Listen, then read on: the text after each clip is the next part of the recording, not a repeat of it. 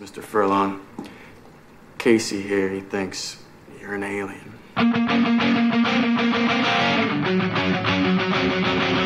What's going on in here? Nothing. Why? Are you girls getting home? No, Mom. The craft, the faculty.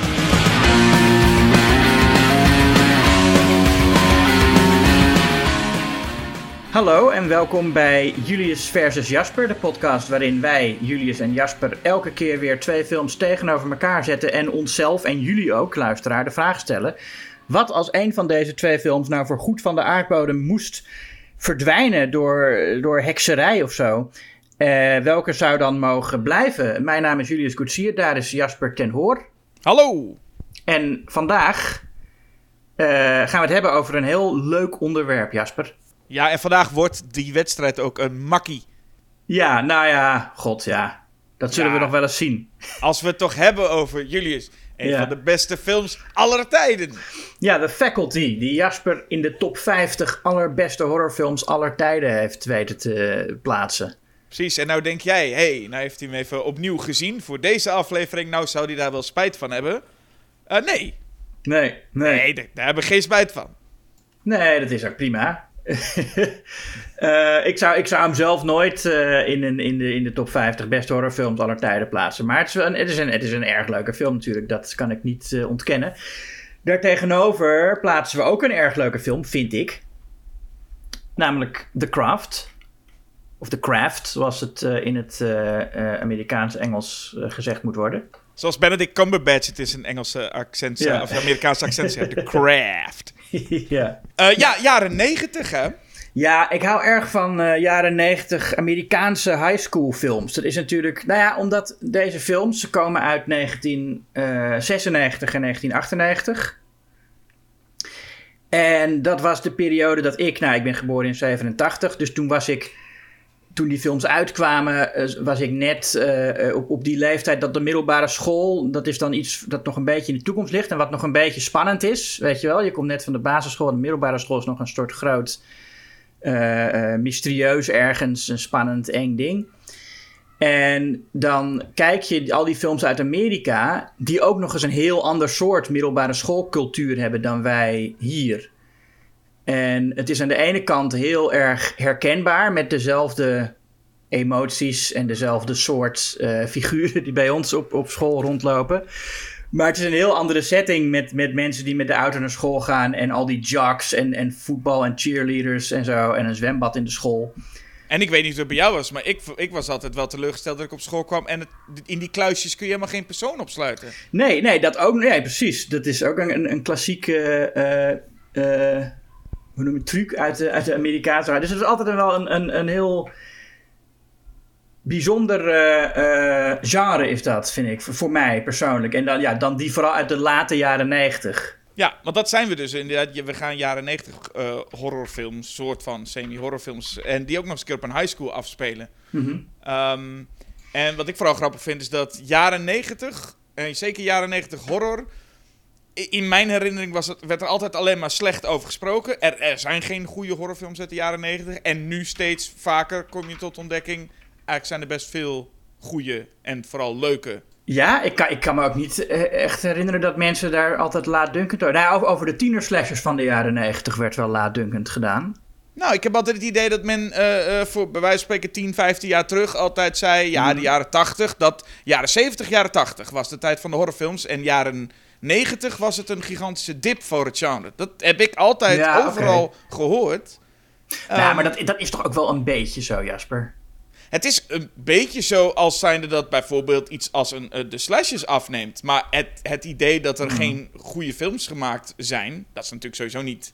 eh, dat is sowieso niet waar, maar... Nee, er, zijn, in- ja, er zijn elk jaar zijn er natuurlijk goede horrorfilms. Ja, een echt goede eh, films. Nou ja, nu, ik, ja, het is discutabel. Wat is een echt goede film? En gaan we het nu over echt goede films hebben? Of vooral hele leuke, met nostalgische gevoelens? Want dat is altijd een vraag, hè? Is het vooral nostalgie die nu eh, spreekt uit van we vinden dit heel leuk? Of eh, zit er ook echt iets heel goeds in? Ja, Wij duiken als eerste maar in The Craft. ja The Craft. Ja, wat, wat zullen we zeggen? Die film, het, is ja, een beetje over, over het Wicca Of nou, dat wordt er niet in gezegd, maar dat was in die tijd wel... begon dat ook een beetje in te raken onder eh, eh, tienermeisjes, toch? Eh, Het werd, werd al wel langer gedaan, maar ik herinner me wel dat er iets... dat er veel met Wicca was in de, jaren late, in de late jaren negentig. elementen als wierook en die pentagrammen en zo tekenen. Ja. Veel kaarsen. De Xenos heeft goede zaken gedaan in die tijd. Eh, Ja. Ook, ook voor, de, voor deze film alleen al. Weet je hoeveel kaarsen daar zijn aangeschaft. ja. En een heel klassiek verhaal eigenlijk, hè? Nieuw, want dat is, dat is ook eh, wat je al zei. Als je een film gaat kijken over... Oeh, ik ga naar de middelbare school. Dan is het ook interessant om zo'n film te kijken met... Hé, jij gaat als meisje, ons hoofdpersoon... Komt in een, als nieuw persoon in een nieuwe, eh, een nieuwe plaats. Ja? Eh, Sarah, Robin Tunney... Mhm. Die komt dus in een nieuwe plaats. En wederom zo'n moment met haar vader en, en diens vriendin. In een huis waarvan ze alle, volgens mij alle drie ook weer het huis nooit gezien hebben dat ze gekocht hebben. dat is zo bijzonder, maar daar hebben we het al eens eerder over gehad. Ja, ja, en Hellraiser is dat ook, toch? Of nee, dat is, een, dat is het huis van die... Van, dat was niet van... Nou ja, maakt niet uit. Ik weet niet precies hoe dat zat met het huis in Hellraiser. Maar het is inderdaad een, een ding dat mensen een huis binnenkomen en zeggen van... Oh, wat, wat is die mooi. Ja, en normaal is dan altijd wel de vader meestal, het vaderfiguur die dan het huis wel gezien heeft. En hier lijken ze allemaal echt binnen te lopen met, ah, dit is het dus. Al, alle kon- twee, toch? Het zijn, het zijn met z'n tweeën. Eh, met z'n drieën. Toch? Wie is, wie is er nog meer? Is, is die vader heeft een vriendin, toch? Oh, nou, dat... Ja, ik, ik, ik heb namelijk ook later opgeschreven van... Wacht even, die vader heeft wel een vriendin, maar komt die ooit in beeld? Maar er wordt echt in ieder geval gezegd, die vader heeft een vriendin. Oké, nou, dat, dat heb ik dan helemaal gemist. Ik ben Ja, meteen, nou, dat al, is meteen ook- al een slechte kijker. Nou, het is, nou, het is ook snel te missen, dus het is, ook, gewoon- het is eigenlijk meer slecht gedaan. Want het enige waar het vooral uit blijkt is, dat wordt één keer gezegd. En Sarah die komt het huis binnen, daar staan dan alle verhuisdozen staan al in dat huis. En daar zet ze een lijstje, fotolijstje neer eh, met haar, van haar moeder. Dus dan weten we vrij snel... Is Uh, dood. moeder is overleden en er wordt iets benoemd over die vader. Maar kijk, Ja. heel, heel eerlijk, die vader doet er eigenlijk ook helemaal niet echt toe. Nou ja, ik bedoel, zij heeft... Ja, hoe bedoel je, het doet er niet toe?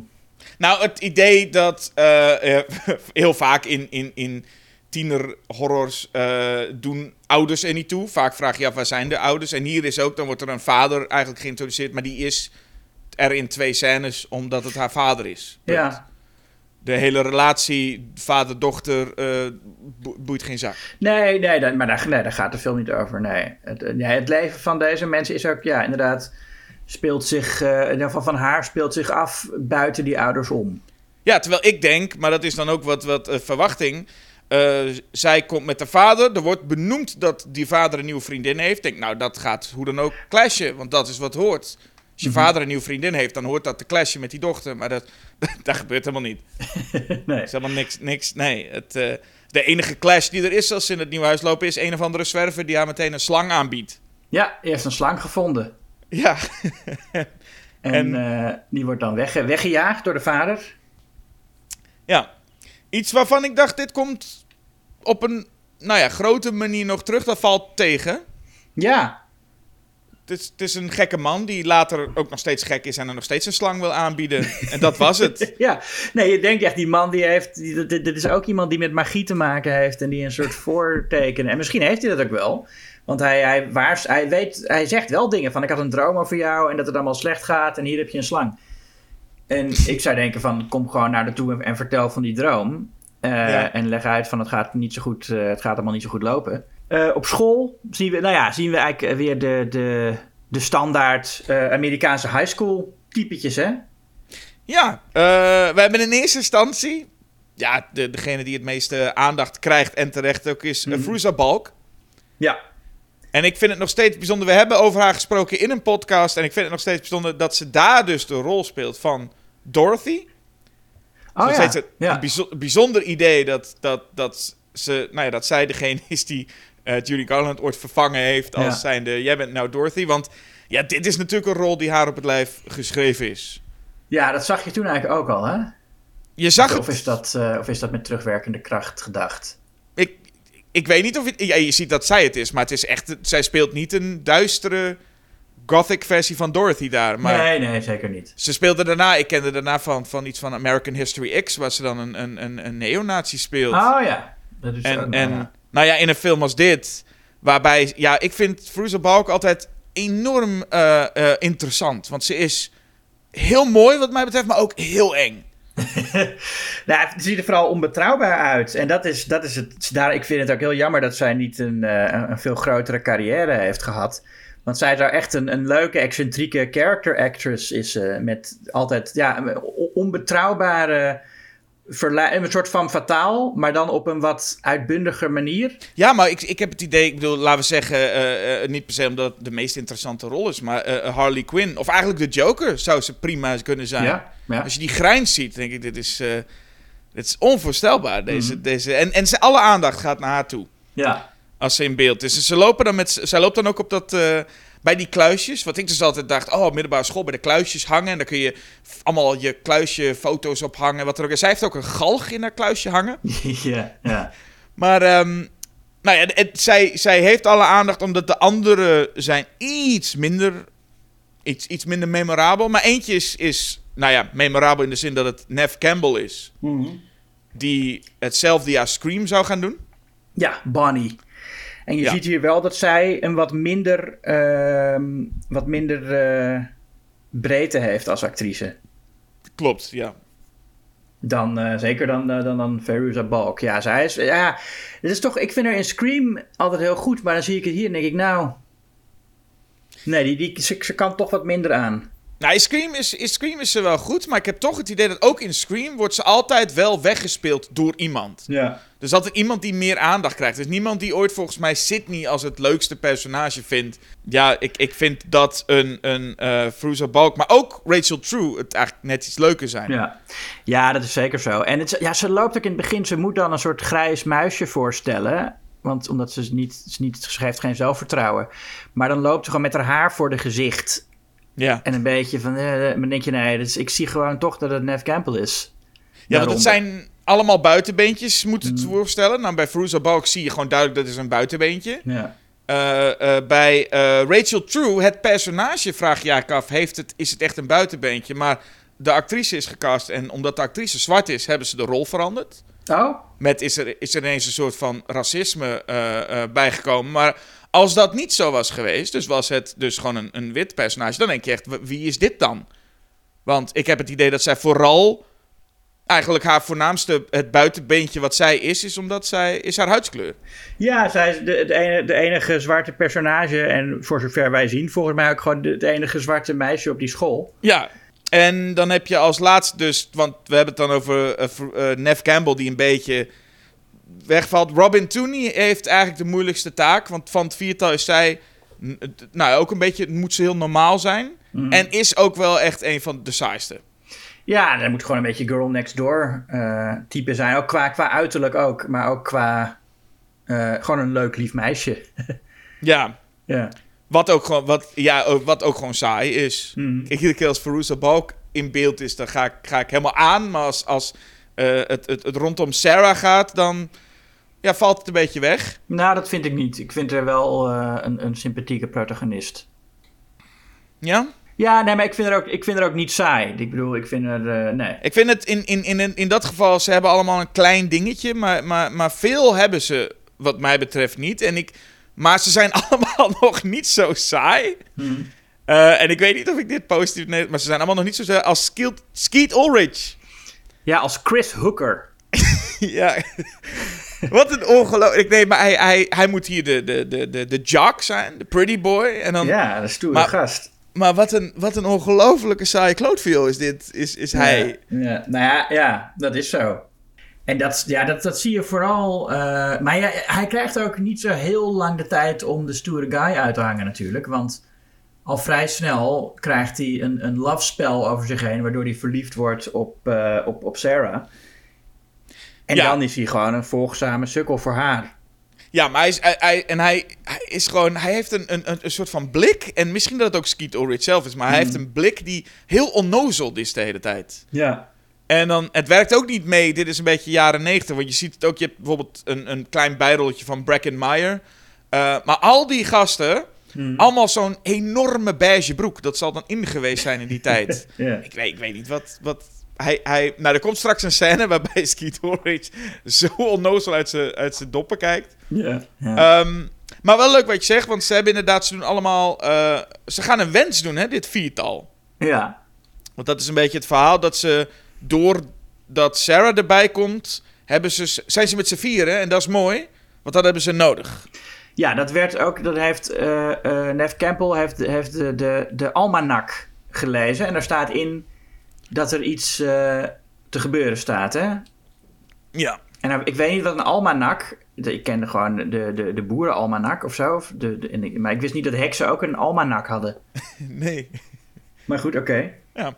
En zij ziet dat het vier, eh, zij weet dat het dat ehm, Sarah de vierde is, want bij tijdens de Franse les laat ze zo'n potlood balanceren en die draait en draaien uit zichzelf. Ja. Dan weet je, dan, ik heb, we hebben onze vierde heks. Ja, dat, dat is niet zo moeilijk, hè?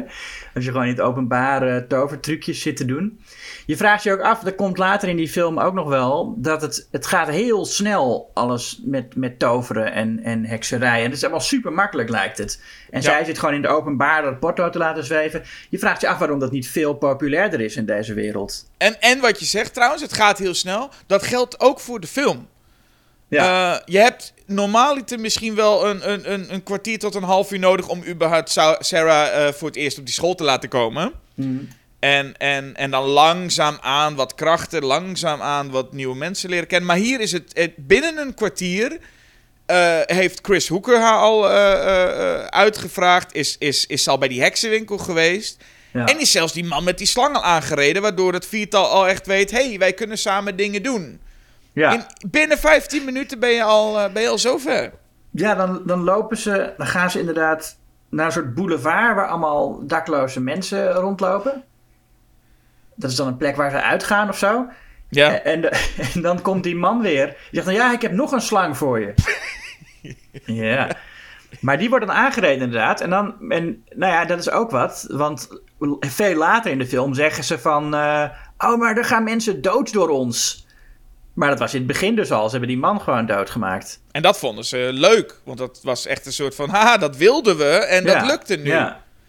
Dus dit is, we beginnen niet klein met van: oh, het lukt ons om iets te laten Nee. zweven. Nee, het was meteen: oké, dit, dit kunnen we nu. ja. Dan gaan ze een paar ritueeltjes doen.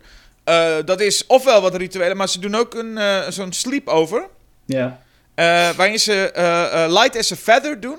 Mhm. Waarbij je dan, en ik weet niet, heb jij dat ooit gedaan? Nee.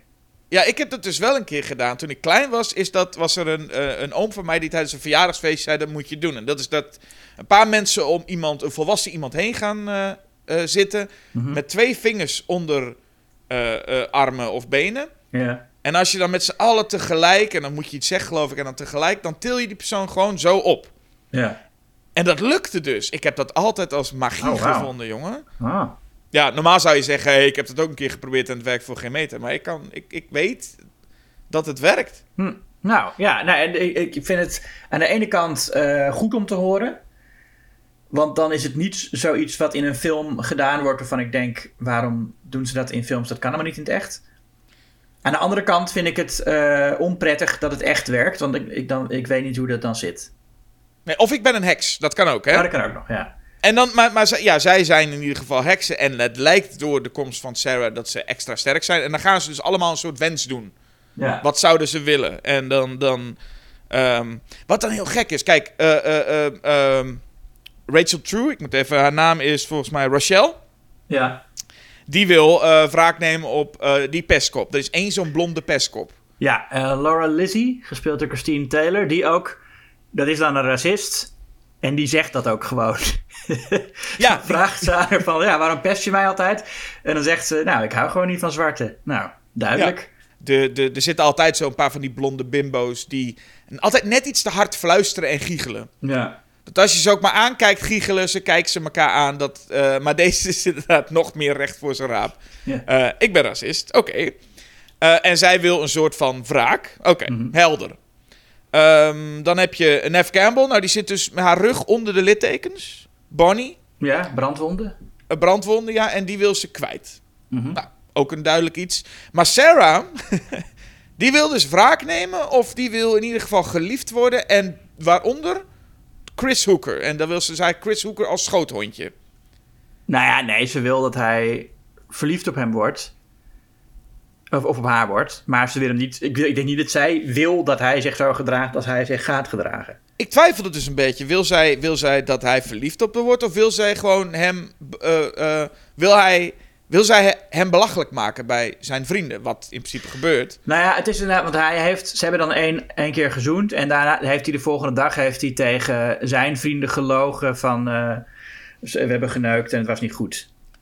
Ja. Ehm, Hij heeft en- er wel gevraagd van, ga je mee naar mijn huis? En dan zegt ze nee en dat vindt hij niet, eh, nee, dat Ja. vindt hij niet leuk. The, the worst lay I ever had, zegt hij dan. Eh, Ja. En nou, nee, wat het is, zij, eh, ik denk dat zij, zij is best wel op zich wel ehm, zachtaardig of zo. Ik denk niet dat zij hem per se wil vernederen, maar zij wil vooral dat hij inziet dat hij verkeerd zat en dat hij zijn vrienden vertelt dat hij gelogen heeft. En dat hij iets om haar geeft. En ik denk dat zij dat een beetje ziet als ja, een soort kalverliefde van ik wil gewoon even, ik vind, ik vind hem leuk. En ik Nou, wil ze dat hij me ook ze willen hem niet vernederen. Ze lopen op een gegeven moment in, die, in de kerk. Moeten ze naar de kerk met Ja. z'n allen. En dan, dan, dan zegt ze, hier, neem mijn boeken. En dan lacht ze het ook de hele Nee, tijd. dan, dan, dan wel. Dan, dat is, ja, op dat moment wel. Maar dan, dan eh, proeft ze van hoe dat is, weet je wel? Ja, want eh hoe heet dat? Bracken Meyer zit dan ergens en die maakt dan een opmerking naar Skeet Ulrich van, wat ben je ook een, eh, eh, een sukkel? ja. ja, dat is een beetje de comic relief, hè? Breckenmeyer en, ehm, en nog eentje. Ja, Mitt, Mitt en Trey heet ze volgens mij. Oké, ja, Brack, Bracken Meyer nog eentje. Zo staan ze ook in mijn aantekeningen dan. Nathaniel Marston. Ik vind het, het is wel een apart eh, duo dat af en toe eventjes voorbij loopt en commentaar levert op wat er gebeurt. Ja. Met, met een soort in-jokes. Ja, en het is ook echt het enige wat ze doen. Ja. Het- er zit ook verder niet nog iets aan vast. Het is gewoon, zij zijn er af en toe als zijnde de, de twee Muppets op het balkon. Die roepen af en toe iets als het nodig is. Mhm. En dan zijn ze ook weer weg. Het is ook niet Ehm, nodig. En dat is, en dat is eigenlijk ook niet eens nodig. Hoewel, in dit geval moet wel even extra benadrukt worden hoe Skeet Ulrich eh, eh, ja, vernederd wordt. Ja, Maar hij blijft het gewoon doen, hè. Hij, hij, hij kan niet anders. ja, ja.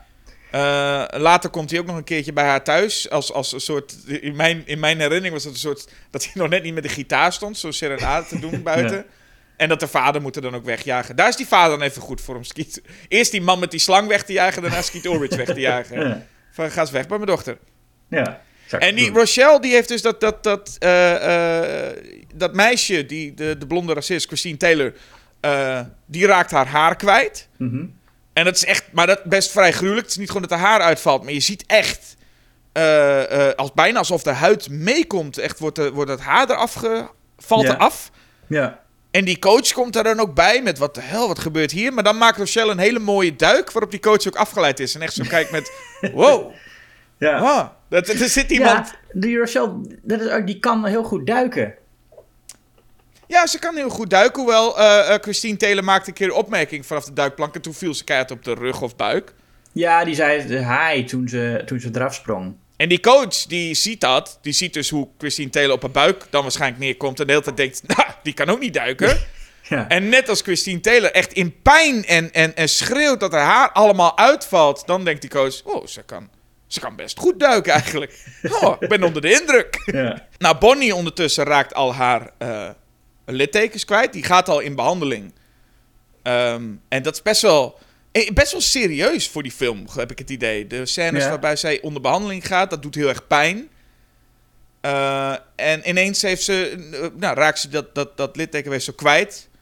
Hmm. En ja, met dezelfde snelheid als de film de rest van de, van de dingen doet, komt ze de volgende dag op school in een soort tanktop. En iedereen kijkt haar aan. Ook Bracken Meyer dus zit dan in de klas en die kijkt haar aan met, wow.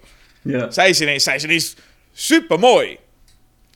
Hè, Ja. Want dat, dat is wat, wat, het doet, wat een tanktop met je doet. Dan ben, je ineens, dan ben je ineens een heel ander mens. Maar goed, het moet waarschijnlijk zijn dat zij ineens iets uitstraalt natuurlijk. Dat moet verteld worden. ja. Ineens straalt Nev Campbell iets uit. Hè? En als je het maar uitstraalt, dan ziet iedereen ineens hoe eh, mooi je bent. Ja, dan heb je je haren voor je gezicht weggehaald. En dan, eh, ja. Ja.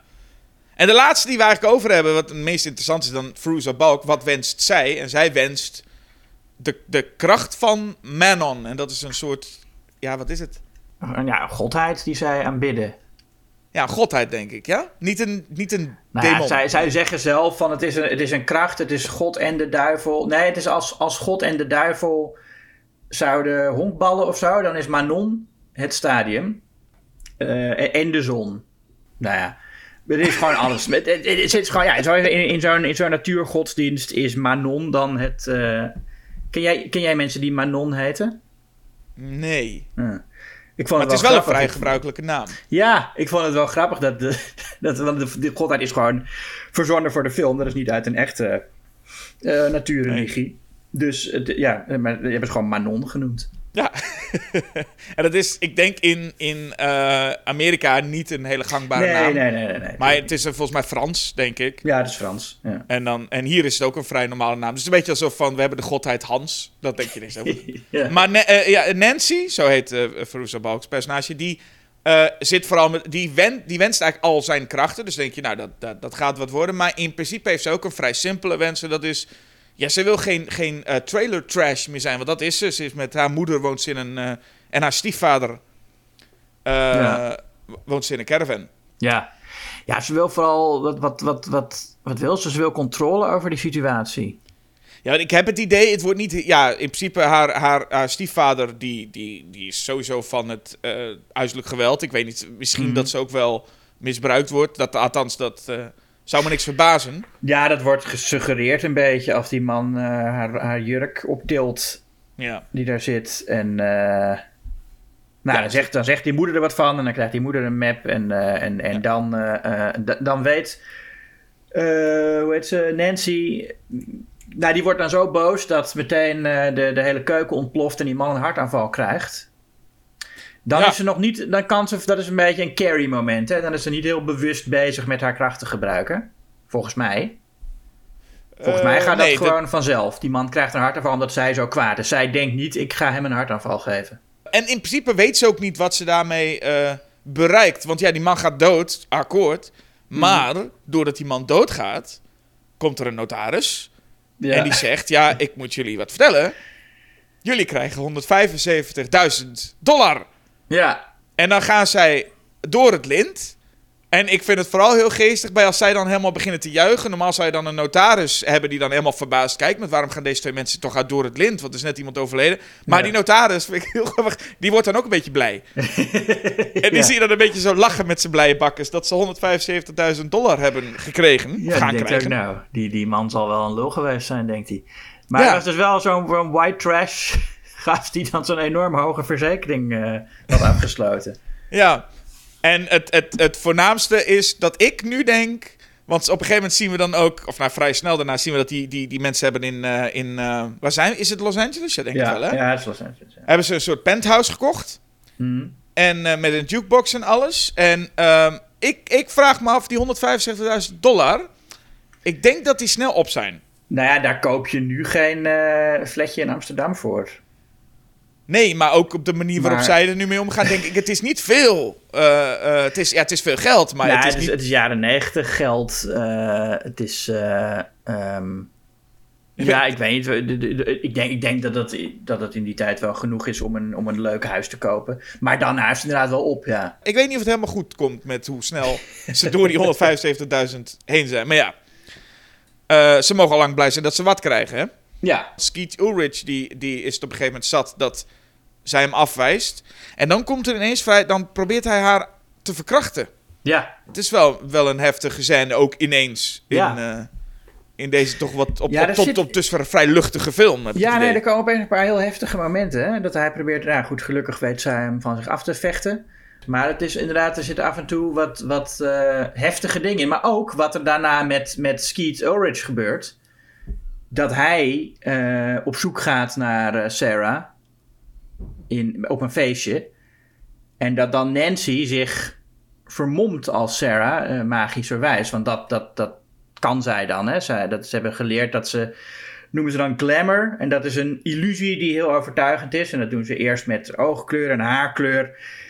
En op den duur is het gewoon mogelijk om eh, super makkelijk, gewoon letterlijk je hele gezicht eruit te laten zien als dat van iemand anders. Dat, dat niemand zich. eh, dat, je, dat je daarmee iedereen voor de gek houdt. Ja.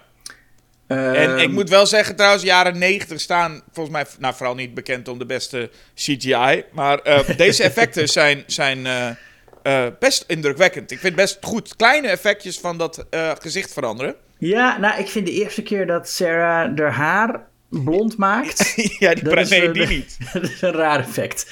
Maar daarna is, het- heb ik er inderdaad heb ik, eh, eh, er geen last van. Wat ze Het doet. moment dat, dat in ieder geval Nancy in Sarah, eh, in Sarah verandert. Dat ze dan de handen voor het Ja. gezicht doet. En dan, dat, dat is best, best knap gedaan. Ja. Als Skeet dit is het moment dat als Skeet Ulrich dat ontdekt. Mhm.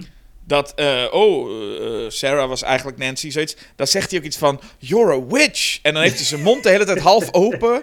Ja. Eh, dan denk ik, wat ben je toch ook een ongelofelijke oetlul hier. ja, en het is gek hè, dat hij later het, gewoon hetzelfde jaar nog in Scream... Misschien Ah, dat. Wes Craven dan toch een heel ander soort regisseur is... eh, hè, dan, eh, dan Andrew Fleming. Dat hij toch een betere rollen uit Nev en Skeet weet te krijgen dan hier. Ja, het is ook dat bij, in het geval van Skeet hij sowieso echt een andere soort rol speelt. Want ik, eh, ik zou zeggen dat het personage wat Skeet Ulrich speelt, had, had ook in Scream op kunnen duiken. Een beetje zo'n zo'n derpy. Ja, maar het is wel de bedoeling dat hij in het begin de coole gast is. En dat Ja, is dat hij, lukt eh, niet. dat is hij, nee.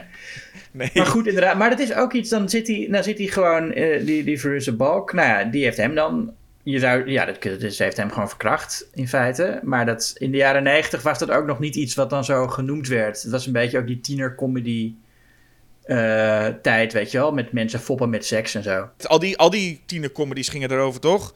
Ja. Ik, ik heb echt ook sterk het idee als je dingen als American Pie nu terugkijkt, dat je denkt, oeh. Ja, dat heb ik laatst gedaan. En, eh, maar American Pie 2 is volgens mij waar die scène in zit dat Stifler ook een slapend meisje aantreft op een bed. En dan kijkt hij even en dan doet hij zo de deur dicht. En dat is dan het teken dat hij een goed mens is geworden, dat hij er niet verkracht. Ja, precies. Nou ja. ja, we zijn ver gekomen. Ja. Ehm, er is nu een conflict. Althans, de, die begreep ik nog steeds niet helemaal. Er is ineens een conflict, want ineens ligt dat hele viertal, die heksen... Hè, daar waar we zoveel leuke dingen meegemaakt, ma- meegemaakt hebben... en die samen slaapfeestje hebben gehad... en ineens zijn ze allemaal een beetje tegen elkaar. ja. En ik weet even niet zo goed... Nou ja, ze hebben, nou allemaal, nou, ze hebben allemaal gewoon geproefd van hoe het is om, eh, om zoveel macht te hebben over anderen. En ja, zijn daar heel blij mee. Nou goed, vooral Veruza Balk, die, wordt helemaal, die gaat helemaal door het lint. Hè. Die zegt, die zit de hele tijd... ehm, ik weet niet of het nou is dat zij stoplichten verandert van rood naar groen. Ja. Of dat ze kan voorspellen wanneer ze groen worden. Ehm, dat- want op een gegeven moment rijdt ze ook gewoon door rood. Ja, Hoe dan ook, zij, eh, eh, zij raast in die auto door, en, en, en met een enorme snelheid door al die verkeerslichten. En op een gegeven moment is het ook door rood. En dan... het is wel mooi, hè? Nog, het is nog wel klein, want iets, iets daarvoor liep ze als Jezus op het water... Oh ja, dat, was, nou, dat, dat stukje nog. Ja, en, er spoelden al die eh En- dode haaien aan. al die haaien die zijn aangespoeld. En dan is, is Manon zit in haar. Ja. En dan heb je echt zoiets van: oké, jij hebt nu de kracht van het, het, het, het stadium en de zon waar God en, eh, en de duivel, nou ja, lopen het eh, honkbal. Ik weet niet meer hoe dat zat. Maar dan heb je die kracht. En dan inderdaad, het eerste wat ze met die kracht doet, zit het eh, verkeerslicht eh, eh, aanpassen. Zo'n Manon zal dan ook Ja. wel denken: van nou, hier ben ik niet echt voor mijn bed uitgekomen, toch? Om, dit te moeten doen. Nee, maar ja, die Manon heeft er ook... Ik bedoel, die heeft toch al die vissen ook gegeven? Al die dode haaien die op het strand liggen, die zij dan heel mooi vindt. Ja. Ja, dat is best, eh, best heftig. Ja. Ehm, Ja, dat is gedoetje hoor. En dat, is ik denk dat, dat, dat, is, dat is ook een beetje wat, zo'n, wat, wat, wat die film dan denkt van... Nou, we mo- er moeten gewoon enge dingen gebeuren en dingen met heksen. En een van de dingen die dan kunnen is dat er allerlei dode beesten op het strand aanspoelen. ja. Weet je wel, de rest verder thematisch is dat volgens mij niet heel relevant. Maar dat zij dan dat ziet en dan ze zegt ook, this is my gift. Ja. And it's so beautiful. Eh, dat, dat moet dan al aangeven van, nou, hier gaat het niet helemaal goed mee. Nee, maar je zegt ook wel, ik hoor je zeggen iets van enge dingen gebeuren. Like, Volgens mij kunnen we wel, wel duidelijk zijn, deze film is, is niet eng. Nee. Er zit het, het, de, de twijfel, daarom twijfel ik ook een beetje om het horrorfilm ook te noemen. Want het, is, het, het, zit, het, het, het zit, er niet, het zit er niet heel erg duidelijk in. Nou ja, het is een, be- het is een beetje een meidensoap ook, hè. En, eh, en het, het gaat zo over... Nou, het, is, het is vooral inderdaad een film over hoe eh, een meidengroepje uit elkaar kan vallen als, als, de, als de macht eh, verschuift. Ik wil eigenlijk hetzelfde zeggen als wat jij al eerder in de podcast een andere aflevering hebt gezegd. Dit is wat ik denk dat Dawson's Creek is. ja. Maar dan hebben we, refereren we steeds allebei naar een serie die we nog nooit allebei gezien hebben. Dat is, ik heb wel aflevering. Ik heb wel. Ik, nou, ik heb er stukjes van gezien. Oké. Voor mij heb ik Nou ja. de complete aflevering gezien, maar het kwam altijd voor The Simpsons. Dus ik zag er wel altijd een deel van. Oké. Nou ja, het, het lijkt mij ook deze toon. eh, of nee, niet Ja. de toon per se hebben. Het is. eh, ehm, maar het, het, het, het idee is nu, en dat, dat deed wat meer Lost Boys aan. Mhm. Is dat op een gegeven moment dus de, deze drie heksen in aanval gaan. En ik weet echt niet waarom eh, ehm, Rochelle en, en Bonnie ook meedoen. Maar ze zijn ineens tegen Sarah. Ja, ja, dat is ook gek. Dat, dat inderdaad, van de een op de andere moment, je ziet die, die want die Rochelle, die heeft nog één momentje met eh, Laura Lizzie, de racist. Ja, Die zit dan zo in de douche te huilen met al haar haar in haar handen. En, eh, eh, en dan zegt ze van, oh, het valt allemaal eruit. En dan zegt ze ook letterlijk, what did I do to deserve this? Vraagt ze dan aan haar slachtoffer. Het is allemaal heel on the nose. ja. Eh, maar dan lijkt die Rochelle nog ook een beetje te denken van... nou, het is ook wel zielig. Misschien is het nou wel genoeg. Dat gevoel krijg je wel. Dat, dat, dat, dat, ze hier voelt van ik ben Ja. te ver gegaan. Maar toch wordt daarna helemaal niet gesuggereerd. Dat, ze, toch blijkt ze dan volledig gecorrumpeerd eigenlijk. Nee, ze, Eh, ze, ze, ze vallen Sarah thuis aan. ja, precies. Ze, En- ze, ze gaan allebei mee met die, met die Nancy. Want die, die was al jaloers op Sarah... omdat Sarah de, de meest krachtige heks bleek in al die rituelen. Heeft zij hun al die dingen geleerd... en bleek zij telkens meer open te staan voor Manon. Ja, Ehm, dus de, de- de- daarom was, was Nancy natuurlijk wel een beetje jaloers. En, en zij heeft nu geproefd van de macht die ze heeft over anderen. En, en weet die andere twee dan blijkbaar toch mee te krijgen. Nou ja, het zijn ook, het zijn ook pubers, hè? Jawel, maar ik heb bij, kijk, voor, bij Balk heb ik ook niet eens een, een, een echte reden nodig. Ik snap best dat hij ontspoord is en volledig gewoon Sarah en, en misschien de hele wereld van naar de Vanilis wil helpen met Manon in zich. Maar eh, inderdaad, waarom ze überhaupt die twee nodig heeft. En waarom die ze dus Rochelle en Bonnie ook meegaan. Want ze gaan wel mee. Ze lachen ook als ze. En dan gaan ze zweven. En dan lachen ze ook met eh, dat ze Sarah gaan aanvallen. En bedreigen. Daarna vraagt Nan- zegt Nancy tegen, tegen ze van... Nou, ga Sarah maar pakken boven. En dan hebben ze weer moeite ermee. En dan Ja. willen ze eigenlijk niet. Dus het is een beetje twijfelachtig. En je hebt ze ook helemaal niet nodig. Want Sarah die zorgt dan dat ze... eh, nou ja, dat, dat we snel van Bonnie en Rochelle in ieder geval af zijn. En dat doet ze door hen iets te laten zien. Want dat werd er ook gezegd, hè. We, we, we, we- en ik, de film doet het ook.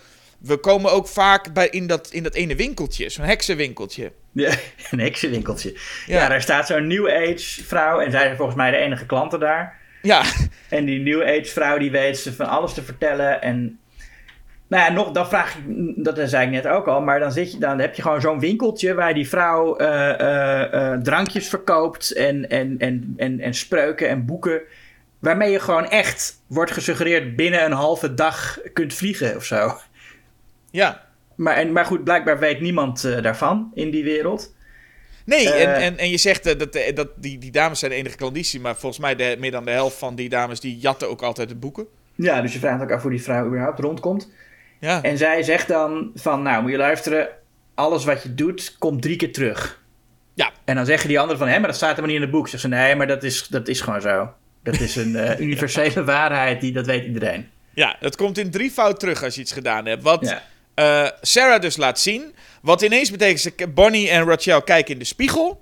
En dan ziet Bonnie dat nu ook haar hele hoofd vol zit met eh eh, brandwonden, littekens. Mhm. En dat is natuurlijk heel heftig. Je net van je, van je rug af. Nu zit ze ook echt in je gezicht. En dan zien we dat Rochelle is kaal.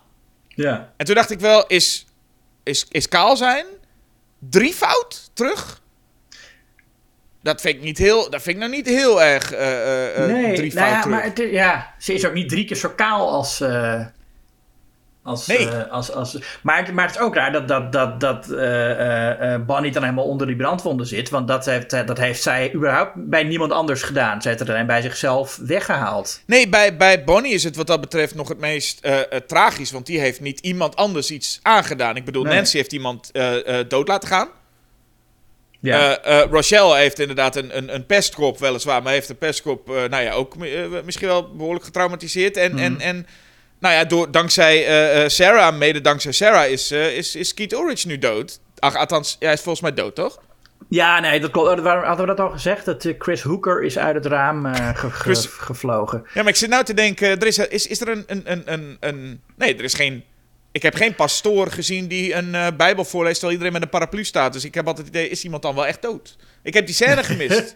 Nee, Chris is dood. Dat zeggen ze namelijk. oh, ze zeggen het wel. Oké. Ja, Dat ze was- zeggen het wel. Chris Eh, Hooker is dead. Ja. Ehm, en, maar dus, dat is allemaal best heftig wat er gebeurd is. Maar Bonnie heeft gewoon eh, magie gebruikt om haar wonden te genezen. ja. En is toch wel echt van een heel ander kaliber. Ja, maar het gaat er dan om dat als ze nu doorgaan en, en hoe heet ze, Sarah aanvallen, dan is dat wat er gaat gebeuren, is dan de suggestie. Ja. En dan snap ik wel dat er hele gezicht onder de brandwonden dan zit. Want dat is in drie fouten. Dan heeft ze gewoon drie keer zoveel brandwonden, gok ik. Maar inderdaad, eh eh, Rochelle is dan ook gewoon kaal. Mhm. Daarna, dat valt dan nog mee. Ja, maar goed, je kan niet, ik bedoel, kaal is kaal, Jasper. Je kan niet, eh, Heeft ze nog heeft ze geluk, misschien. ja, nou, en dan komt het, het, het grote eindgevecht tussen Sarah en Nancy. Met een, wat spektakel, maar uiteindelijk hè, in al die hekserij. Hoe versla je uiteindelijk je grootste vijand? En dat is door eh, eh, Nancy een trap te geven. Ja, maar ik denk niet dat dat het enige is. Want ik zat er te kijken.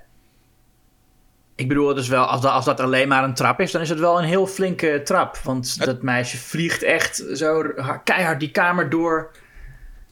Die vliegt zeker zeven meter naar achter. Door, Het door... is een harde trap. Ja. Nee, maar dat, Maar dat, ik- is, dat is ik- met de kracht van Manon zit daarachter, Jasper. Oké. Ja, de kracht die ook eh, eh, zorgt dat Sarah eh, onzichtbaar kan worden. Ja, dat is ook gek. Maar dan liggen de kleren er nog. En Ja. dan is dat ook gewoon precies waar ze is. Maar het is, ja, het is wel waar ze is, maar het is niet alsof ze gewoon onzichtbaar is geworden. Maar je ziet nog haar, want de, ehm, de kleren liggen gewoon plat. Ja. En als je dan weer niet, als je dan weer zichtbaar wordt, dan eh, zie je dat de kleren ineens weer een beetje opblazen, zodat je, oh, waar je in zit. Ja, en het Dus- is zo, maar dat is, dat is dan ook een glamour. Zo'n illusie. Maar Ja. die kunnen toch wel over. wa- Waarom zijn die kleren er dan nog? Ja, en als je onzichtbaar wordt en je kleren die liggen dan daar plat. Ik snap dan niet helemaal dat Sarah denkt, ik blijf gewoon wel hier ook liggen nu. Ja. Ga dan even een beetje op, opzij. Ga ergens anders zitten als je onzichtbaar bent. Maar ja, hé, ze, is- ze is het ook maar net geworden. Hè, dus. We hebben trouwens wel, nou ja, wat dan een, een horrorscène is die wel eng bedoeld zal zijn, is natuurlijk dat Sarah binnenkomt en dat overal die slangen en spinnen en kakkerlakken rondkruipen. Ja, En dat, en je weet, dat het stomme is, je weet al dat dat een illusie is op het moment dat het gebeurt. eh, toch? Ja, Dat, dat verwacht je toch? Ik bedoel, dat ja, het- alle, alle, alle gekke dingen die gebeuren, weten we, eh, zijn, kunnen illusies zijn. Dus dit zal ook wel een illusie zijn. Ja, er wordt naar gerefereerd als zijnde... Volgens mij wordt er iets met Manon gezegd en a Serpent. Volgens mij wordt hij daarmee een beetje in verband gebracht. En... ehm, want verder is het vooral inderdaad een horrorreden dat er allemaal kakkerlakken of ook lopen. Maar het is vooral de, dat slangen volgens mij ook een motief is. Ja, en wat ook wel interessant is, want dat is ook een beetje een, een fallies beest natuurlijk. En ze hebben het ook over dat Manon in hun gaat. Hè? En het wordt echt best wel ook seksueel beschreven. Hoe, eh, hoe, hoe, hoe die godheid ja, hen binnengaat. Ja. Het heeft toch ook, ja, natuurlijk met, met, zoals heel veel heksenverhalen, met ontluikende seksualiteit te maken. Waarbij je dus wel weer afvraagt, dan neem ik aan dat, dat, eh, dat die zwerver van het begin een grotere rol zou kunnen spelen. Maar dat gebeurt niet, want die man is dood. eh, Ja. denk ik. Maar omdat hij ook met een slang komt. Ja, en natuurlijk heeft, is dat een soort iemand die er, die, er, die er iets vanaf weet. Maar dat is, ook, dat is ook net zoiets als die vissen die aanspoelen. Van, weet je wel, dat, dat is dan iets wat een horror-element is. En er wordt niet echt over nagedacht over hoe dat dan in het verhaal past. Nee. Kijk, die, die Veruza Balk is gewoon helemaal compleet eh geflipt natuurlijk. Op dat moment, die is heel kwaad op Sarah. En die wil er weg hebben. En dan, en dan begint Sarah een spreuk over haar uit te spreken... dat ze niemand meer kwaad kan doen. Ja, Nancy zegt van, nou ja, het is allemaal te ver gegaan en het spijt me. En dan zegt eh, Sarah, oké, nou, nog één ding. Ik ga even... En dan zegt ze gewoon, ik, ik, hou je, ik zorg ervoor dat je geen- niemand meer kwaad kan doen. En dan draait Nancy helemaal door en probeert er eh, dood te steken. Nou ja, dan komt het hele gevecht. Maar dan, aan het einde, is Nancy natuurlijk ehm, echt eh, hem, helemaal... eh, moet ze gewoon in een inrichting waar ze aan een, met, met, met riemen aan een bed vastzit... en haar gezicht heeft opengekrapt. En dat, ja, dat, dat, dat heeft Sarah dan toch ook gedaan? ja. Zou je zeggen? Dat is uiteindelijk wat ze gedaan heeft. En dat is toch wel een beetje de ironie van het alles. Want de, in de film, die, die, die, die, die, die heksenvrouw in die winkel. Die zegt altijd van ja, maar je moet het. Dus het je, je, je mag alleen maar eh, hekserij voor goede dingen gebruiken. En er is niet zoiets als witte en zwarte magie. Het zit alleen maar in, in het hart van de heks. En als je een goed hart hebt, dan gaat het allemaal goed. En dan zegt ze ook dat over die Sarah: van jij hebt zo'n mooi eh, licht in je en jij doet dat allemaal goed. Maar aan het einde is gewoon die Nancy, wat toch wel echt gewoon eigenlijk een, een ge- getroubleerd tienermeisje is. Die is gewoon veroordeeld tot, voor zover wij kunnen zien, een, een leven van, eh, van leed in een gesticht. Als je ziet hoe Fruisa Balk daar acteert in, in dat gesticht, doet ze ook heel goed. Maar het is, niet, het is niet ver van hoe we haar leren kennen. Het is niet alsof je echt merkt, zo, die is eh, ontspoord. Ik heb het idee dat ze, voordat we haar leren kennen, überhaupt voordat Sarah in haar leven kwam, zo al op dat randje zat. Ja, dat zal wel. Eh, nou, dan krijg je nog, nog, voor die scène van eh, Nancy in het gesticht... zien we nog eventjes hoe Bonnie en Rochelle eh, afscheid gaan nemen van Sarah... die blijkbaar alweer gaat verhuizen. Geen idee waarom eigenlijk. Ze zijn nog maar net in het huis. Volgens mij woont ze er echt een week. En dan gaan ze alweer weg. Ik twijfel ga, of ze inderdaad gaan verhuizen of dat in ieder geval, want dat huis heeft, heeft schade opgelopen in ieder geval. Oh ja, dus het- misschien, moet dat, misschien moet het gewoon eh, hersteld worden... en gaan ze in een hotel slapen of zo. Dat kan. Ja, want volgens mij komen ze al Ja, in, dat, in dat huis in oké. het begin en dan lekt het al als de neten. Maar ze, volgens mij heeft het tijdens het gevecht schade opgelopen en Ja. zullen ze wel weer moeten verkassen. Ja. Nou ja, Bonnie en Rochelle zeggen dan van... Nou, wij hebben, wij hebben geen krachten meer, hoor. Ehm, kijk, dat had ze natuurlijk ook met die Nancy kunnen doen. Gewoon de krachten afnemen. Maar goed. Eh, wij hebben geen krachten meer. Eh, heb jij nog wel krachten? Eh, nou, ik dacht, we moeten gewoon misschien een keertje hangen of zo. En eh een paar, spreukjes doen. Ja. En dan, en dan is zo'n heel zo'n typisch... Loopt ze ook weg. Zo, ja, de, zij, zij heeft vast ook geen krachten meer. en dan nou ja, laat eh, Sarah nog even zien dat ze wel krachten heeft door ook echt heel groot. Hè? Het, het, meteen het weer helemaal te veranderen. Daar beïnvloedt ze ook heel Los Angeles mee. Want die, hè, die, die, die, wolken zich samen is echt een enorme eh, wolkenpartij die opeens voor de zon komt en een donderstorm. Ehm, om maar even te laten zien dat ze het nog wel in zich heeft. En om, om die twee eens eventjes goed eh, de stuip op het lijf te jagen.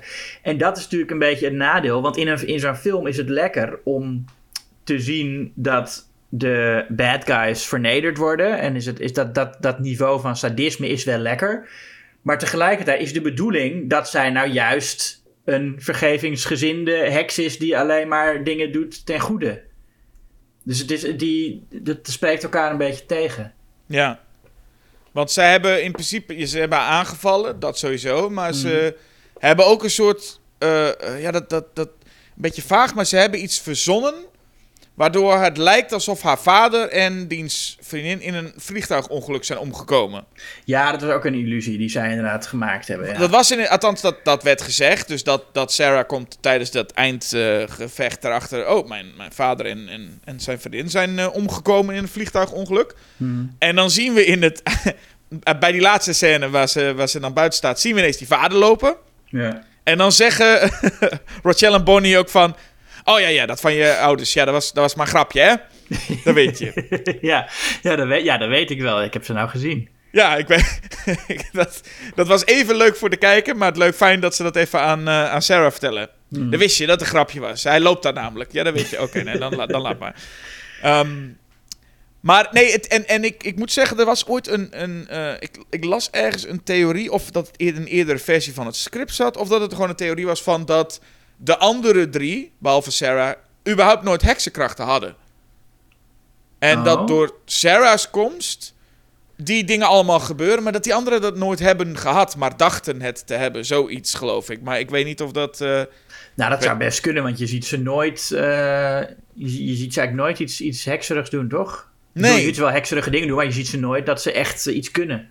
Nou ja, eh, eh, Nancy op dat water lopen en zo is, is, is enigszins. Ja, eh, maar dat is allemaal pas als Sarah erbij, erbij is. Ja, ja, daarvoor, nee, daarvoor zijn ze gewoon de, Ja. eh, eh, dat, dat, gewoon dat groepje op school, waarbij, Ja. eh, waar mensen van zeggen, hé, hey, daar heb je de, de bitches of Eastwick en, en die zitten Ja. daar een beetje, beetje eh, gothic te zijn. Dat is het. Eh, heel veel eh, eh, muziek ook natuurlijk in deze film. Geldt ook voor de film die we hierna gaan bespreken. Maar Uiteraard. ontzettend veel eh, van die ja, muziek die toen hip was. Veel, veel indie rock en. eh, en eh, ehm, nou, ja, zo begint hij al ook, hè? De, oh, de film opent al met soort van, van hele snelle cuts. En dan met, Ja. met, met een rocknummer van Tomorrow Never Knows, zo'n Beatles cover. Zo'n rock Ja, cover. en, eh, gespeeld door Our Lady Peace. Ja, en dan, ja. Weet je, en dan, weet je, dan voel je ook meteen, ah, jaren 90.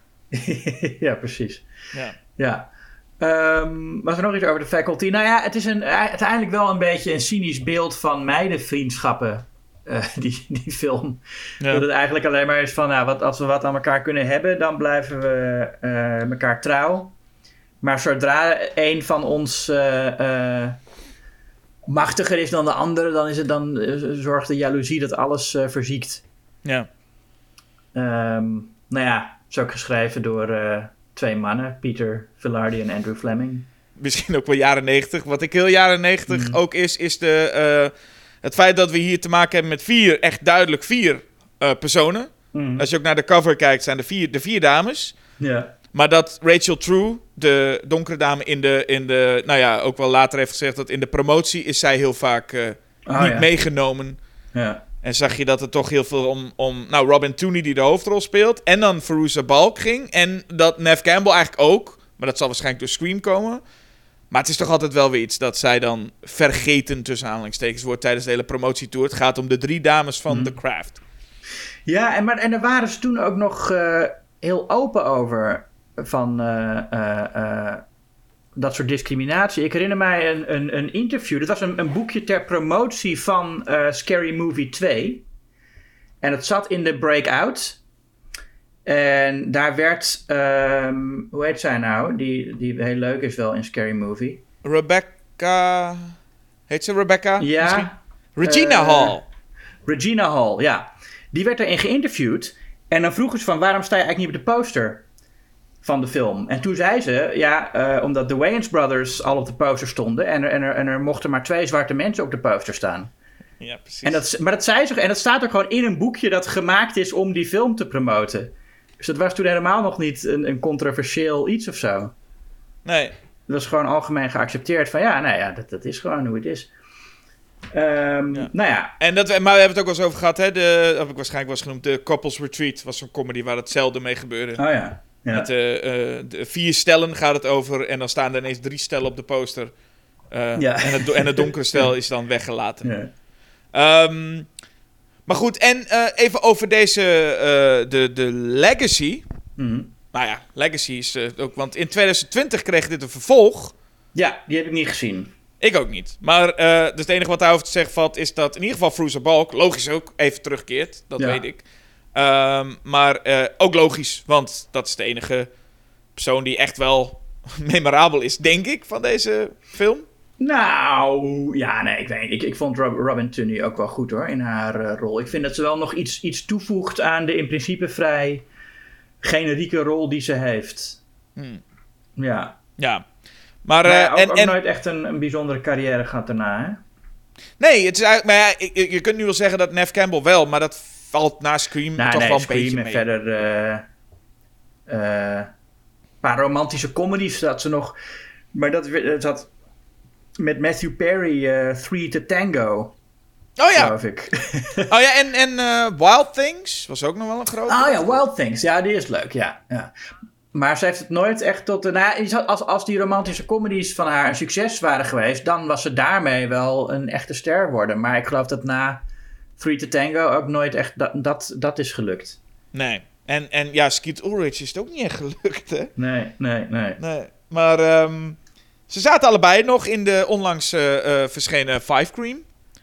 Ja? Maar ik denk dat als je het hebt over wat The Craft als, als legacy eh, nalaat, is het niet zozeer die, die, die vervolgfilm uit 2020, die volgens mij, wat ik zo hoor, niet heel goed is per se. Hm. Eh, is waarschijnlijk de televisieserie Charmed. Ja. Dat moet denk ik het meest zijn van, ja, dit, dat heette geen The Craft, de tv-serie, maar dat had net zo goed gekund.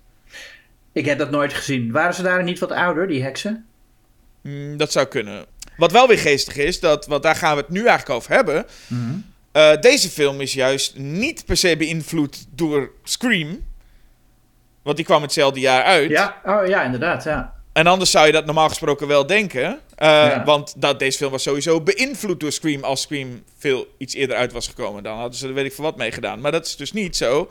Wat heel geestig is. Want je hebt dus Nev Campbell, je hebt Skeet Ulrich. Maar Mhm. eh, dat is dan gewoon puur toeval.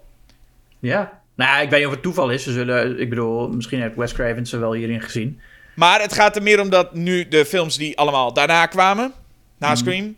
eh, werden wel beïnvloed door, Ja, de, allemaal. Eh, nou ja, nee, veel horror inderdaad. Waaronder ook zeker de volgende film die wij bespreken. The, Faculty. Jasper. Ja. Ja. The Faculty. Ja. En The Faculty, hè? Ja, The Faculty. Dat is een. eh, het, kijk, het is, het is, eh, hij is wel beïnvloed door Scream, maar het is een script dat al ergens sinds 1990 rondging. Mhm. Maar na Scream eh, waren de, de, de. Ja, er was een, zo'n producent. Die, ik, ik weet niet of je de naam kent, maar dat is een eh, Weinstein. Oh ja, wel eens van gehoord. Ja, die, eh, die kocht het script en zette dan ook gewoon Kevin Williamson op het script om hem te herschrijven.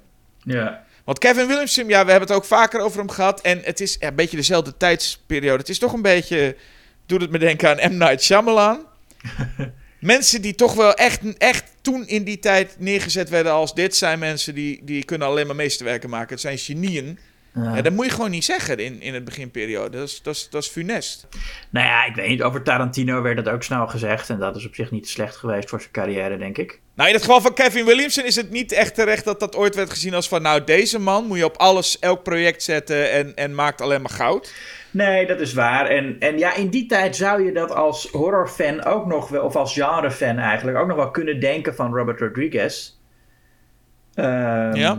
Wat nu ook, eh, nou ja, hij, ja het, is zo, het is zo jammer als je deze film ziet.